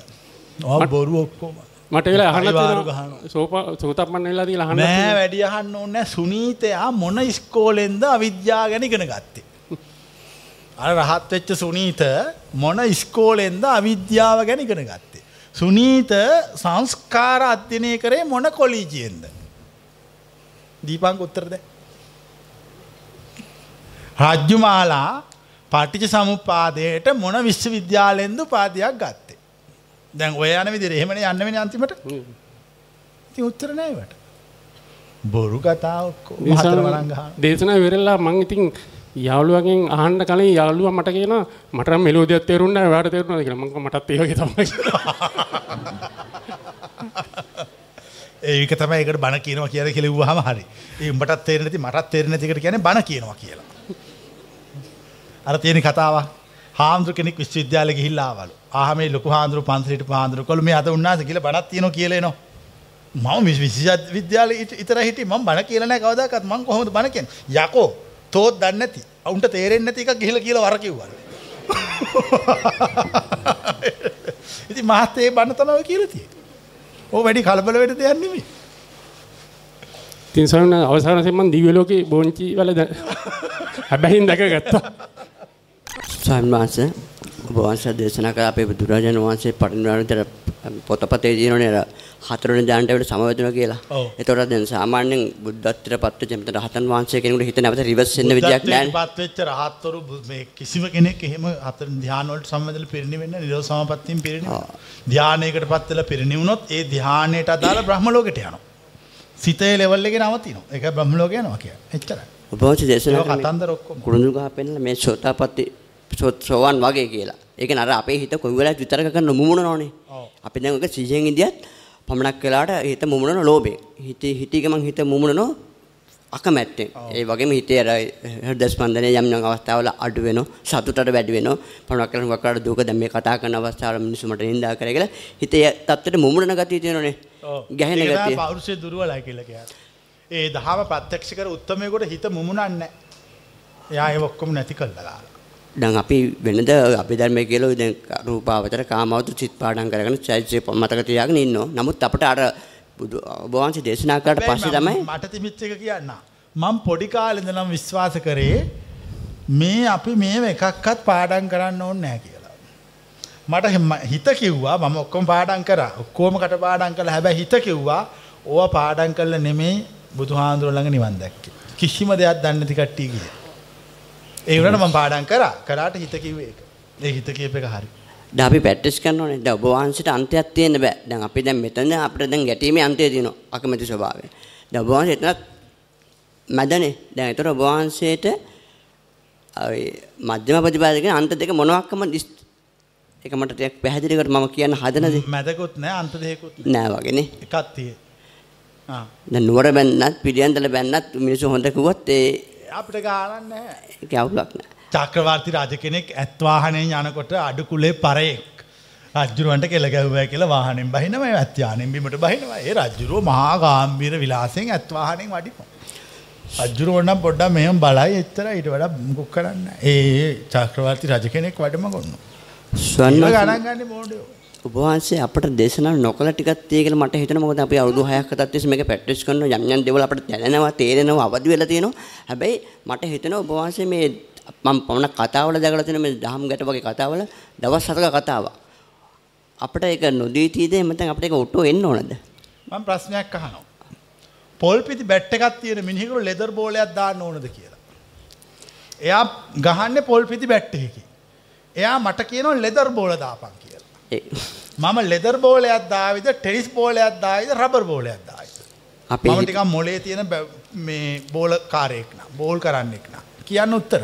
අපේ හිත හයිය නැන්නේ බැට් එක ලෙදර් කරගන්න මේ අර බැට් එක පොල් හදාගන්න. පිටි බැට් එකකින් ලෙදර් බෝල් එකට ගහලා බැට් එක කඩා ගන්නවට වඩා හොඳයි රබර් බෝල් එකට ගහ ගහ ඉන්න එක. තමුසේ ගන්නවා හොඳ බැට් එකක් මන් දාන්නම් ලෙදර් බෝලයක්. අයිට වඩා ඔය ප්‍රශ්නෙට උත්තර ඕනේ නැහැ. ඒ හැමතිස්සෙම දේශනාව සාපේක්ෂකයි පුද්ගලයාට අයිති ප්‍රඥාවට. ප්‍රඥාව ගොඩාක් වැඩි වෙන වෙලාව ගොඩාක් වැඩි එකක් ඒවි. එතකන් ඉතින් ඔය බයිලා හහා ඉන්න වෙනවා. ඊට වඩා එකක් කියන්න බෑ. කිය කියන්න ඕනේ නැහැ ඊට වඩා එකක්. ඒක ඉතින් මට කියන්නත් බෑ. ඉතින් මම මට ඕන එක නෙමෙයි කියන්නේ. මං කියන්නේ වෙන කාටද ඕන එකක්. වෙන කාටද ඕන එකක් මං කියනවා. ඒක ඉතින් මට කන්ට්‍රෝල් පාලනය කරන්න බෑ. මං නිකන් කියනවා එච්චරයි. අවසරයි ස්වාමීන් වහන්සේ ඔබ වහන්සේ අ, ශුන්‍යතා ධර්මය ගැන දේශනා කරා මම මේ ගෙදරිදම්ම හිතාගෙන ආයේ මේ ප්‍රශ්නේ අහන්න මේ තව නිදසුනක් එක්ක මේක පැහැදිලි කරොත් ඇයි මේකට ශුන්‍යතාවය කියන්නේ ඇයි චිත්- චිත්තේ ශුන්‍ය කියන මට ඒ ටික තේරෙන්නේ මොන ටික තේරෙන්නේ නැත්තේ. කියන්නේ ශුන්‍යතාවය කියන්නේ මේක කියන්නේ ඇයි මේකට ශුන්‍යතාවය කියන්නේ මේක මේක ටිෂු එකක් කියලා තේරෙනවද? ඈ? එහෙම. ඇයි ඒ? පේන නිසා. දැන් ඔයාලට ශුන්‍යතාවය තේරෙන්නේ නැත්තේ ඇයි? මේක? පේන හින්දා පේ- පේන එකට ශු- දැන් මේක ටිෂු එකක් කියලා තේරෙන්නේ ඇයි? පේන මේක පේන නිසා. ශුන්‍යතාවය තේරෙන්නේ නැත්තේ ඇයි? පේන්නේ නැති දැන් පේන්නේ නැති කෙනෙකුට මම ශුන්‍යතාවය කිය යුතුද? නෑ නෑ. තමුසේ ගිහිල්ලා ශුන්‍යතාවය හොයාගෙන ඉවර වෙලා මගෙන් අහනවා පෙන්නලා මේකද ශුන්‍යතාවය කියලා. එතකොට වුණන් ඔව් කියන්න නැත්නම් ආයි ඵලයන් කියලා එලවන්න. මන් දන්නේ එච්චරයි. මෙයාට ශුන්‍යතාවය මම පැහැදිලි කරන්නේ මම මොකද මම තමුසේ ණය වෙලා තියෙ ශුන්‍යතාව ධර්මයේ පැහැදිලි කරනවා කියලා. ඔය ගිහිල්ල හොයාගෙන එන්න තනියම. හොයාගෙන ඇවිල්ලා මගෙන් අහන්න ඔබ වහන්සේ කියන ශුන්‍යතාවය මේකද කියලා. නැත්තම් නෑ කියන්න ඔව් නම් ඔව් කියන්න. ඒක හොඳ නැද්ද උත්තරේ? හොඳයි එහෙම නැතුව මම මෙයාට ශුන්‍යතාවය කිව්වොත් මෙයාගේ හිතේ සාපේක්ෂක ගොඩට සාපේක්ෂක ශුන්‍යතාවයක මෙයා ආයි ජීවත් වෙනවා. ඊට පස්සේ මෙයා හිතාගෙන හොම මම ඇහුවා මම ඇහුවා. හරිය ගහලා නෑ ආයි වැරදි එකක් හරිය කියලා හිතාගෙන ඉඳලා. තමා සොයාගෙන තමා තුළින් දැකලා තමා තුළින් දැකපු දේ මා ඉදිරියේ ප්‍රකාශ කරාම එය මා පිළිගත්තොත් එය ශුන්‍යතාවයයි. දැන් තේරුණා කියන එක. එහෙම නැත්නම් ওই ප්‍රශ්නට උත්තර දුන්නොත් තමයි අමාරු වෙදානවා. ඕනනම් මට මෙයාගේ මුළු ආත්මෙම විනාශ කරන්නත් තිබුණා. ඔය ප්‍රශ්නට උත්තර දීලා. අපි එහෙම විනාශ කරන්නේ නැහැ කවුරුවත්. අපි කැමැත්තෙන් හරි අකමැත්තෙන් හරි කියන්න ඕන එක කියනවා. ශුන්‍යතාවය පැහැදිලි කරන්නේ නැහැ කාටවත්. දන්න එක තේරුම් ගන්න එකක් විතරයි. ඒක ප්‍රත්‍යක්ෂ කරන ප්‍රත්‍යක්ෂ කරන එකක් විතරයි. තමා ගිහිල්ලා හොයන් එන්න ඕන. තමා ගිහිල්ලා හොයාගෙන එන්න ඕන. ඒ හොයාගෙන එක හරි ගියොත් හරි. වැරදුනොත් ආයෙ යන්න ඕන. ඒකට යන මාර්ග මාර්ගයක් එහෙම මුකුත් මාර්ගයක් ඇහුවාම පොමලින් බැරල් එකක් පෙන්වනවා. අනිත් පැත්තට ඉස්සරහා කරන්න. එහෙම මුකුත් කියන්නේ. එහෙම කිව්වොත් ඒ ඔක්කොම සාපේක්ෂකයි සාම්ප්‍රදායිකයි මිත්‍යා දෘෂ්ටිකයි. ශුන්‍යතා ධර්මය එක ඒක මේ දැන් මම මෙයා කසේ දවසක බෝල ගහලා නැහැ. බැට් එකක්වත් අල්ලලා නැහැ.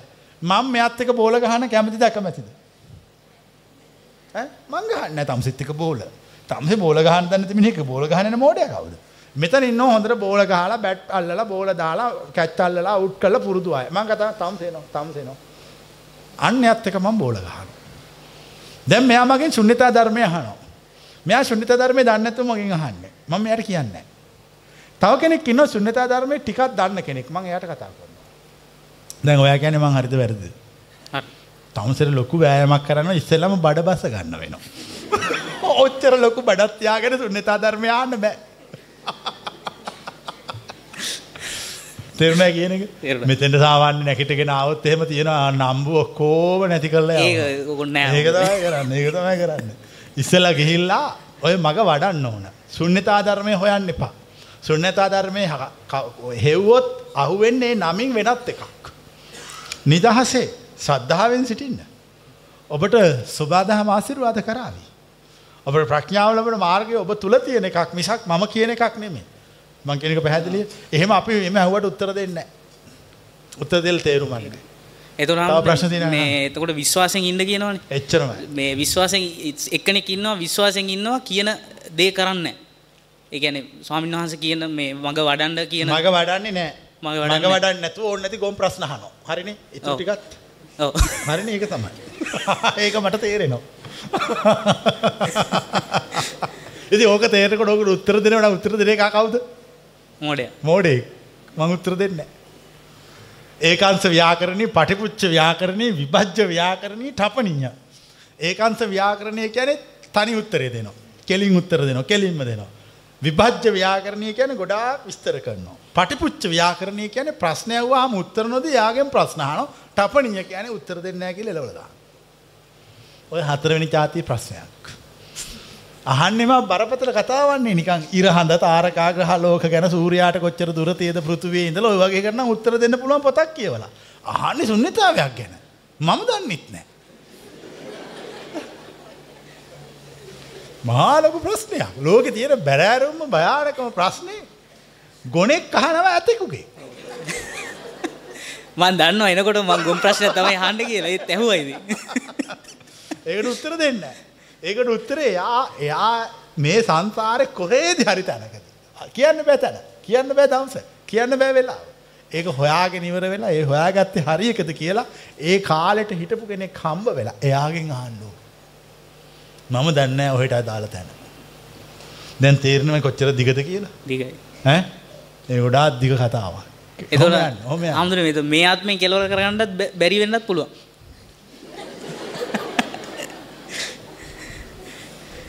මන් දන්නේ මං කොහොම ඔයාගේ සසර ගැන මං කොහොම මොකට පුරෝගතන කරන්නේ මං කොහොම මෙයා සසර කෙලවර කරයිද නැද්ද මම මොකටද ඒව ගැන කියන්නේ මං එහෙම උත්තර දෙන්නේ නැහැ කාගවත් ප්‍රශ්න වලට ඔය එක වාටයිත් එකක් ඒක දැන් වයස කීයේ? 27යි. 27යි දැන් කෙලවර කරන්න ඕනි. ඈ? විඳවලා තියෙන හින්දා කෙලවර කරන්න ඕනි කියලා හිතනවා. දැන් ඕනම ඕනේ. දැන් භාගයට ඕනද දන්නේ නැහැ ඕනේ. ඈ? හොඳට. ලොකු මහන්සියක් කරන්න වෙනවා. නැත්තම් ඒක කෙලවර කරන්න බෑ. කෑලි කෑලි ඉතුරු වෙනවා තැන් තැන් වලින්. ඒ නිසා කලබල වෙන්න එපා ඉන්න. විශ්වාස කරන්න. හොඳට ඔය කියන එක අහන්න. හොයන්න එපා ශුන්්‍යතාවය හොයන්න එපා. ඒක පිනට හම්බ වෙන එකක්. ඒක මේ අර කඩේකට ගිහලා බඩු ගන්නවා වගේ එකක් නෙමෙයි. පිනට පිනට හම්බ වෙන chance එකක්. chance එක ඕන කෙනෙකුට දෙනවා සබදාම අවංක වෙන්න ඕන අව්‍යාජ වෙන්න ඕන කෙලින් වැඩ කරන්න ඕන. එච්චරයි අවශ්‍ය. පැහැදිලිනේ තව එක. ප්‍රශ්නයක් තියෙනවා ආම්දුනේ මේ. දැන් අපි වර්තමානයේ සිට පවත්වාගෙන ඉන්නවනේ. කියන්නේ පැවැත්වෙනවනේ. ඒතකොට දැන් සාමාන්‍යයෙන් අර ෆිල්ම් එකක් බලද්දි හරි මොකක් හරි ටීවී එක බලද්දි එහෙම අපිට අනාගතය ගැනවත් අතීත ගැනවත් යන්නේ නැහැ. එතකොට ඒකත් වර්තමානයේ ඉඳිල්ලක්ද? වර්තමානයේ ඉඳිල්ලන්නේ. වර්තමානයේ සිත පවතින. ඔයයි වර්තමානයේ ඉන්න හදන විදිය වැරදි. සාපේක්ෂකයක් තියලා ඒ සාපේක්ෂකයට හිත එකතු කරලා වර්තමානයේ ඉන්න හදනවා. ඒ සාපේක්ෂකයට හිත කැමති වෙනකම් විතරයි හිත වර්තමානයේ ඉන්නේ. ඒක අත්දැකීමෙන් අරගෙන. තේරෙනවා මේක තියෙනකම් නෑ විතරයි. අපි දැන් චි- චිත්‍රපටියක් තියෙනවා මෙලෝ රහක් නැති කෑල්ලක් තියෙනවා. මෙලෝ රහක් නැති කෑල්ලක් දිහා බලාගෙන ඉන්නවද නැද්ද? එතකොට අතීතයට හරි අතීතේට හරි අනාගතේට යනවා. හැමතිස්සෙම මේ භෞතිකයට ඇටච් වෙලා ඉන්නකම් විතරයි සිත මෙහෙම තියෙන්නේ. ඒක තමයි විඳවිල්ල කියලා මං කියන්නේ. ඔයාලට තේරෙන්නේ නැති වුණාට ඒක ඒක මහා විඳවිල්ලක්. අපි ඒකෙන් නිදහස්. ඒක තේරෙනවා. ඒක තමයි විඳවිල්ල. ඒක වැරදි. ඒක తాවකාලිකයි කෙටි. තව ප්‍රශ්න දී. එච්චරයි. සරයි ස්වාමීන් වහන්සේ මට හිතෙන්නේ අපි පුංචි කාලේ දහම් පාසල් ගිහිල්ලා අභිධර්මය කියන එක ඉගෙන ගත්තා. සිත් අ, මේ කියන්නේ සිත කොහොමද මොකද්ද චිත්තය මේ චෛතසිකය රූප නිබ්බාන කියලා. නමුත් අපි දන්නේ අපි කටපාඩම් කරගෙන තමයි ඔය ඔක්කොම හිටියේ. දැන් පරමාර්ථ හතරක් බුද්ධාගමේ නෑ පරමාර්ථ දෙකයි තියෙන්නේ. නිර්වාණ පරමාර්ථ ශක්ති. ඔය ඔක්කොම වැරදි පොත්වල තියෙනවා. නිර්වාණ පරමාර්ථ ශක්ති තමයි චිත්ත රූප කියලා දෙකකට බෙදෙන්නේ. චිත්ත තමයි චෛතසික වෙන්නේ. පරමාර්ථ දෙකයි තියෙන්න පුළුවන්. හරියටම කියනවා නම් පරමාර්ථ එකයි නිර්වාණ විතරයි. චිත්ත චෛතසික රූප නිබ්බාන කියලා පරමාර්ථ හතරක් මෝඩ තේරවාදීන් හදාගත්තුවා. ඕවා මේ මහා දාර්ශනිකරු ගිල්ක මොන පිස්සු කතාද යකෝ රූප කියලා පරමාර්ථයක් තියෙනවා. කෝ රූප? රූප පරමාර්ථ නම් වෙනස් වෙනවද නැද්ද පරමාර්ථ? දැන් මට කියන්න උත්තර. වෙනස් වෙනව නම් පරමාර්ථ වෙන්නේ කොහොමද? එහෙනම් ඔය කියන විදිහට පරමාර්ථ වෙන්න පුළුවන්. එකම පරමාර්ථ නිර්වාණ පරමාර්ථ විතරයි. එක්ස්පලේන් කරන්න ඕන නිසා භෞතික ලෝකයේ මම කියනවා පරමාර්ථ දෙකක් වශයෙන් ගන්න කියලා අනිත් එක ශක්ති කියලා ගන්න ඕන. ශක්ති තමයි රූප හා චිත්ත කියලා බෙදා ගන්න ඕන. ඊට පස්සේ චිත්තය තුල තමයි චෛතසික කියන එක තියෙන්න ඕන. මේ ඔය ඔය වැරදි ඔක්කොම ඔය කාට කියන්නද? කාට කියන්නද? නිර්වාණ ශක්ති දෙකයි තියෙන පරමාර්ථ. දැන් අභිධර්මය ඉගෙන ගන්නකොට ස්වාමීන් වහන්සේ තව අපි ඉගෙන ගත්ත සිත් ප්‍රභේද ගැන. ඒ කියන්නේ මේ ශෝබන සිත්, කාමාවචර සිත්, අරූපාවචර ඒවා ඔක්කොම ඇත්තටම අපි දන්නේ අපි කටපාඩම් කරගත්ත විතරයි. නමුත් දැන් තමයි හරියටම දන්නේ මේ ඔක්කොම තියෙන්නේ අපේ සිත ඇතුලේ කියලා. අපි ගවේෂණය කරනකොට අපිට ඇත්තටම හිතා ගන්න පුළුවන් මේක තමයි කාමාවචර සිත්, මේක තමයි ශෝබන සිත් එහෙම කියලා. දැන් මට මේ මේ දැන් මේ වර්තමානයේ තියෙන ප්‍රශ්න තමයි ස්වාමීන් වහන්සේ මම ඉස්සර දැන් දිගටම දේශනා අහනකොට මාව ඇත්තටම නිවුණා. නෙවුනට දැන් දැන් වෙලා තියෙන්නේ මගේ සිතුවිලි ප්‍රමාණයත් වැඩි වෙන හැම එකක්ම ඒ එයා කියන මාර්ගය හරි. මාර්ගය හරි. අපාට යනවද දිව්‍ය යනවද කියලා මම දන්නේ මාර්ගය හරි. එතන ටිකක් කිය. ඒ කියන්නේ මට දරා ගන්න බෑ මේ කියන්නේ ලොකු දෙයක්. හරියට කේන්තෙත් යන දැන් ඒක හුඟක් හොඳයි. ඉස්ස ඉස්සර අම්මා එම කිව්වා කවුද දන්නේ මොන වුණත් උඹව කවුරු හරි හදන්න හදන එක නම් ලොකු දෙයක් කියලා. දැන් ඒ වුණාට කියන්නේ උඹ වගේම ඇති උඹේ ආම්තුරන්ගේ කටත් කියලා. ඔය වගේ තමයි. ඉතින් මේ මේ මට වෙලාවකට හිතා ගන්න බෑ මට මාවම කන්ට්‍රෝල් නෑ. හැම එකක්ම වැඩි වෙලා තියෙනවා. ඉතින් මට මම වෙලාවකට බලනවා මම ඒ කියන්නේ S2යි ක- ඔක්කොම මේවා සාමාන්‍යයෙන් ගෑනුන්ගේ විදියකුත් ඕක. ඔය ඔය කියන එක. ඔව්. භද්‍රකාලි හිටිය ගමන් සොහොන් කාලි වෙනවා. ඔව් සොහොන් කාලි, වඳුරු කාලි, රීරි කාලි එක එක වෙස් ගන්නවා සැරින් සැරේ. ඔය ඒ જાති ඒවා. ඔය වැඩි ගණන් ගන්න එපා. දැන් S2 පියාගෙන නිදහස් තැනක ඉඳගෙන දේශනාව අහනකොට ස්වාමීන් මම මොකද වහන්සේ ඇස් දෙක පියාගෙන අහන්නේ. නෑ ඉතින් අර රූප කියන එක සාපේක්ෂතාවයට බැඳෙන්නේ නැතුව ටිකක් ඉතින් අර අයියෝ අන්න ඒක තමයි ඕන නැති වැඩක් කළා. දැන් ඇස් දෙක අරන් ඇහුවා මොකක් හරි වෙනවද? නෑ ඒක තමයි මම කියන්න හදන්නේ. දැන් මම එහෙම අහුවාම මට තියෙන අර ඒක දැනනවා වුණාට වැඩක් නැති ප්‍රතිඵලයක් තියෙන. මොකද මම ඇස් අරගෙන අහන එක ඊට වැඩිය මට මට දැනගන්න පුළුවන් මට කොච්චර ග්‍රහණය වෙනවද කොච්චර මම ප්‍රතික්ෂේප කරන්න පුළුවන්ද කියලා. ඉතින් ඇස් අරගෙන ඇවිද ඇවිද කතා කර කර වැඩ කර කර කකා එක එක ඒවා අහ අහ අහන්න. ඒක තමයි හරිම ඇහිම. ඒතර එයාට ඕන ටික විතරයි එන්නේ. අනිත් ටික එකකත් එන්නේ නැහැ. ඇයි මේ වැඩ 100ක් අස්සේ අහන්නේ? මං කියන එක පැහැදිලිද? ඔව්. නැත්නම් ඔය ඔය අහනව නෙමෙයි. වචන වලට ආසාවෙන් අහන් ඉන්නවා. මං ඒක පිළිගන්නේ නැහැ. අහන එක්කෙනාට එක පොඩි කෑල්ලක් ඇතිනේ. අනික හිත පිරිසිදු වෙනකොට දැනෙන ස්වභාවය තමයි තමන්ගේ සියලු කෙලෙස් වැඩි වෙච්ච බව දැනෙනවා. ඒතර මං කියනවා ආ ඒක තමයි මම කියපු එක කියලා. ඒ හරියා කියන කතාව. වැඩි වෙලා නෙමෙයි.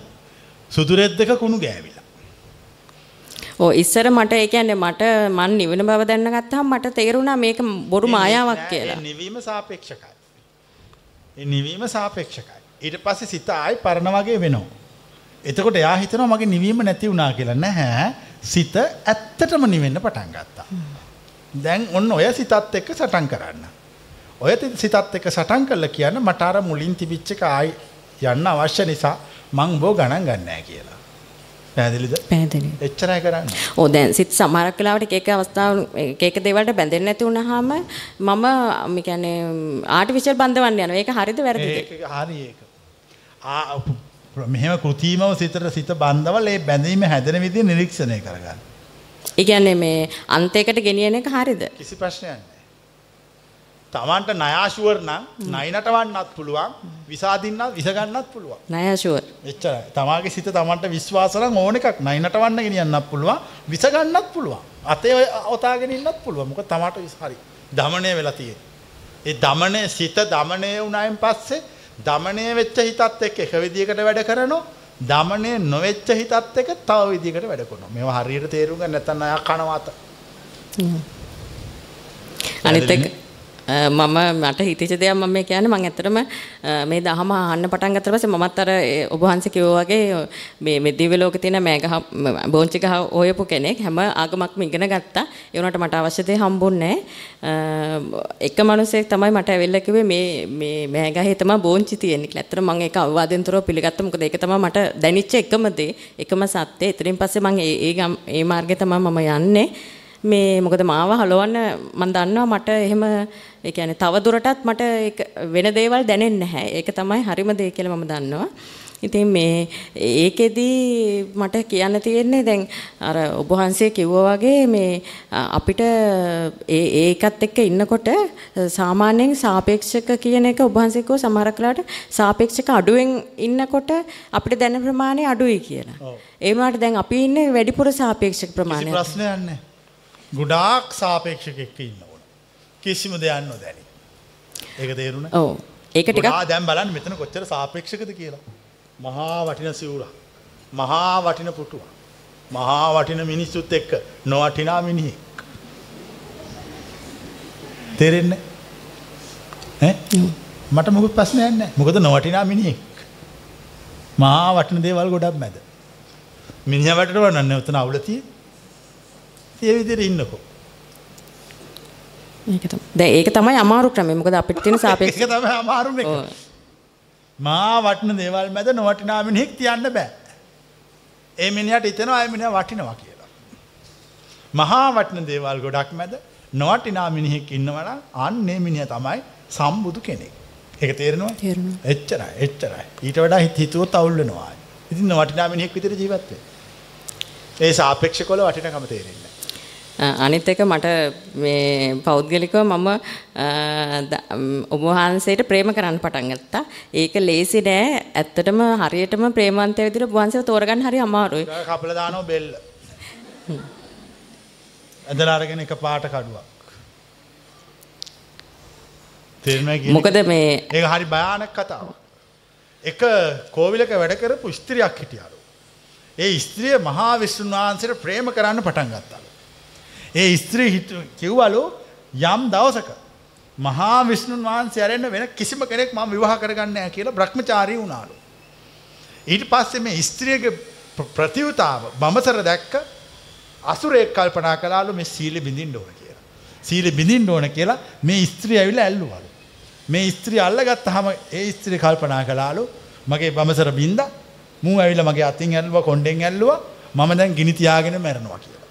දැන් ඒ ස්ත්‍රිය ගිනි තියා ගන්නවලු. ස්ත්‍රිය ගිනි තියා ගන්නකොට මහා විෂ්ණුන් වහන්සේ වෙලා පෙනී සිටියලු. පෙනී සිටලා කිව්වලු තෝ මැරියා තෝ මැරියා මැරිලා ඉපදියා එතකොට මම රාම වෙලා එනවා තෝ සීතා වෙලා වර කියලා. එච්චරයි. ප්‍රේමේ යථාර්ථයක් වුණා. මම කියන්න කියනවාට මං ආයෙ උපදින්නේ නෑ මම කියන්න හදන්නේ මේ දැන් ඔබ- ඔබ වහන්සේ නැහැ. විෂ්ණුන් වහන්සේ කතාව හරි ගියා අපේ කතාව කවදාකවත් හරියන්නේ නැහැ. නෑ ඔබ වහන්සේ ඒක හරියට විදියක් තියෙනවා. ඒ මැරෙන එක උපතුන් නැති වුණොත් අපි සදාකාලික ප්‍රේම ලෝකයක ජීවත් වෙනවා. ස්ත්‍රී පුරුෂ ભેදයක් ඒ ලෝකේ නැහැ. කොබලන් මං කියප එක තේරිච්ච අය. ස්ත්‍රී පුරුෂ ભેදයක් අපි යන ලෝකේ නැහැ. එහෙම එකක් නැහැ. ඒ පුද්ගල කියලා එකක් නැහැ. ඒ ඔක්කොම එකට ඉන්නේ. බුදුවරු මේ පුටුවේ, රහතුන් මේ පුටුවේ ඔක්කොම එකට ඒක වාඩි වෙලා තේ බොනවා. හැබැයි එක්කෙනෙක්වත් ඒගොල්ලන්ගේ නම් දන්නේ නැහැ. කොබලන් මේ කතාව තේරිච්ච අය. එක එක්කත් නම් දන්නේ නැහැ. හැමෝගෙම මූණු එක වගේ. එකෙකුට එකෙක් අඳුරන්නත් බෑ. ඒ වුණාට ඔක්කොම මේකේ ඉන්නවා. කොබලන් එක තේරෙන මේ මහා ගැඹුරු කතාවක් කියන්නේ. නිර්වාණය ගැන කියන්නේ. නිර්වාණ රාජ්‍ය ගැන විස්තර කරන්නේ. එහෙම වෙන්න පුළුවන්. ඒක දෙන්නෙක් නෑ එක්කෙනෙක්. නෑ මට කියන්න ඕනේ ඇත්තටම ඔබ වහන්සේ මේ කියන්නේ ප්‍රේමවන්තය විදිහට තෝරගෙන ස්ථිර කරන්න හරි අමාරුයි මොකද තවත් දහස් ගණන් ප්‍රේමවන්තයෝ එන නිසා ඒ හිත සිතේ සාපේක්ෂක තියෙන නිසා. තියෙන නිසා ඒක මහා අවුලක්. ඒක තමයි සසර.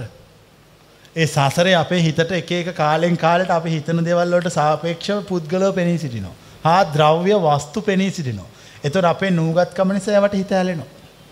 එතකොට අපේ ගමන වරදිනවා. පස්සෙක් පස්සු වෙලා කල් ගිහිල්ලා පසුතැවෙනවා. නමුත් සිත ගැන අවධානයෙන් ඉන්න මං කිව්වා නයෂුවර් කියලා. ඉතින් ඒක නිසා මට කිසි ප්‍රශ්නයක්. තමාගේ හිත තමාට විශ්වාසන තමාගේ භ්‍රමචර්යාව තමාට විශ්වාසන තමට මහා විෂ්ණුන් වහන්සේ මුණ ගැසෙනවා.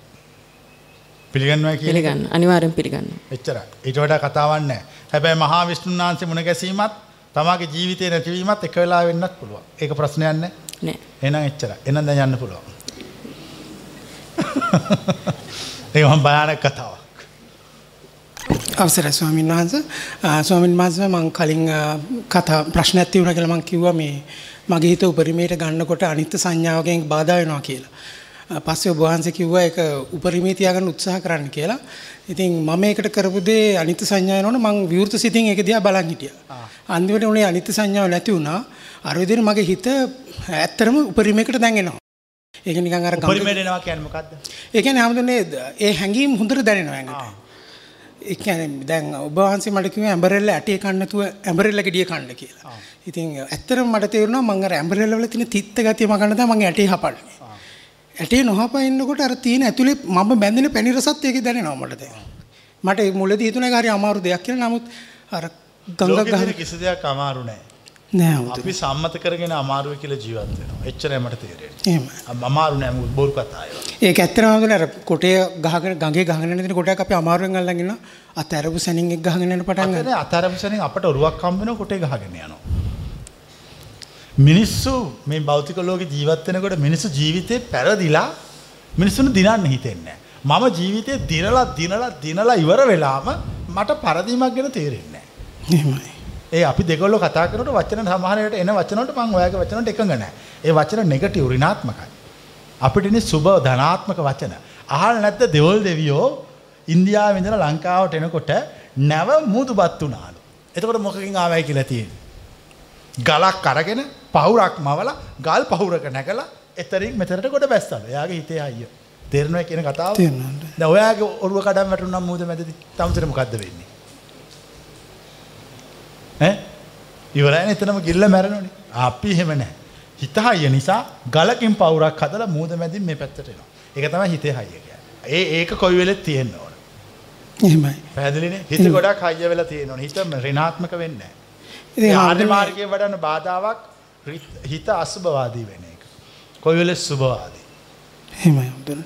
ඊළඟදී කියන්නේ ආම්දුනේ මට තේරුණා හිත ඒ විදිහට විවෘත කරනවා දැන හිතේ ගෝසා හොඳට දැනෙන එක හරි කනහිරාවක්.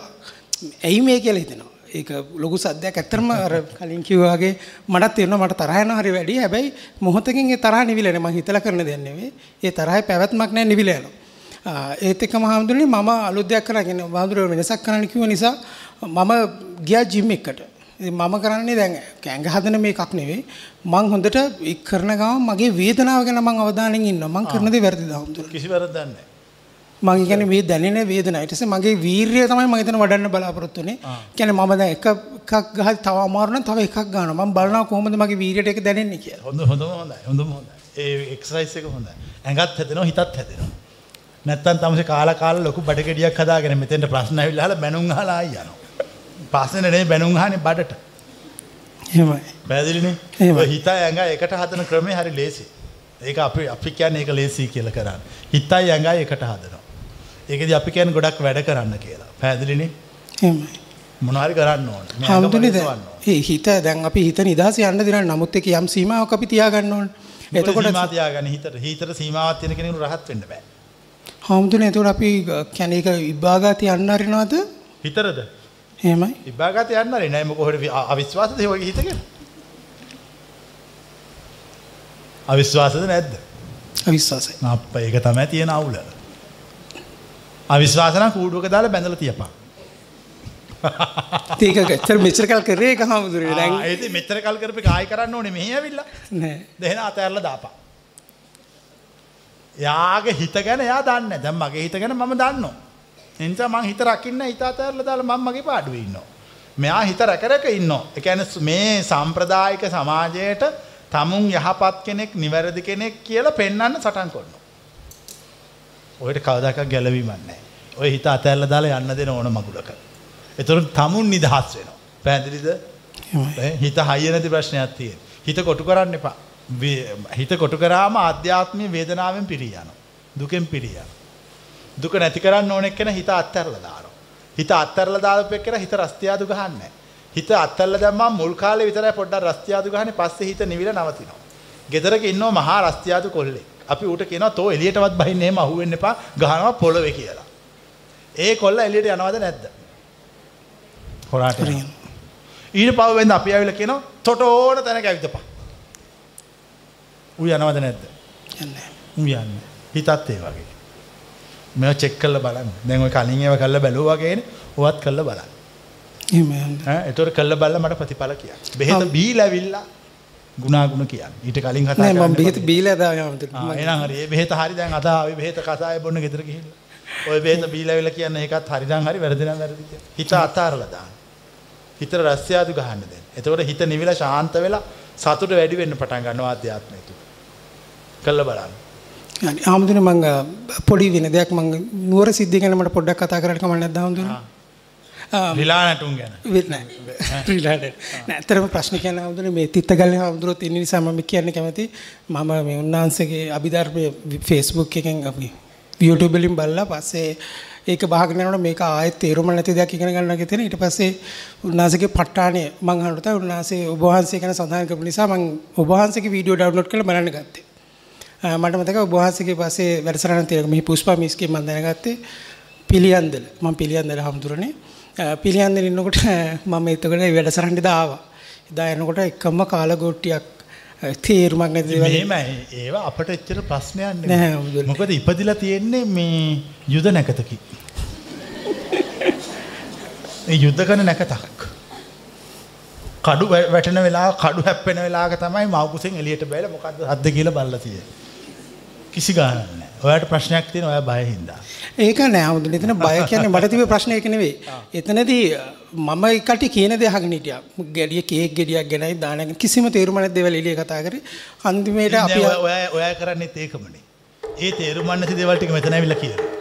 නෑ එතන මට ඇත්තටම කියන්න ඕනේ ඒක නෙවෙයි. නෑ මම නුවර සිද්ධිය ගැන හැමදේම කතා කරා. මම නුවර එක්කෙනෙක්. කියන්නේ එදා ඒ ඒ වෙච්ච සිද්ධිය නිසා තමයි හැමදේම මම ඇත්තටම මෙතෙන්ට ආවේ මම ඒක පණිවිඩයෙන් මම හිතනවා මම එතනදී හරියට ගත්තා කියලා නමුත් ඒ නුවර සිද්ධිය නිසා ඒ වගේ අවස්ථාන් ගොඩක් නැති වෙච්ච කට්ටිය ගැන මම ඇත්තටම දුක් ඔය වෙනවා අනිත් ගැන කට්ටිය වරි වෙන්න එපා තමන්ගේ ගොඩ යන්න බලනවා එච්චරයි. මම මේ මං ගොඩ ගිහලා මේ ෂෝක් එකට ඉන්න එක එකක් ගොඩ දාන්න මට උවමනාවක් නැහැ. එහෙම මේ අපට ඕන විදිහට මිනිස්සු නිවන් දක්වන්න බෑ. මේ ලෝකයේ විශ්වයේ රිද්මයක් පවතින්නේ. වහින වෙලාව මම නෙමෙයි තීරණය කරන්නේ අහස. පායන වෙලාවත් අහස. මම ඒවට ඇඟිලි ගහන්න යන්නේ නැහැ. මං එච්චර හයිය තිරමින් ඉන්නේ බොහොම දුර්වලෙක්. ඔහෙට තරම් හයියක් මට නැහැ. මං කියන එක තේරෙනවද? ඒ අපි කාගවත් නිවනට බාධා කරන්නවත් උදව් කරන්නවත් යන්නේ අපි දන්න දේ කියලා මග ඇරලා යනවා යන්න. ඔබට ඕනනම් පලයන් තනිකයිට ආන්ගේ.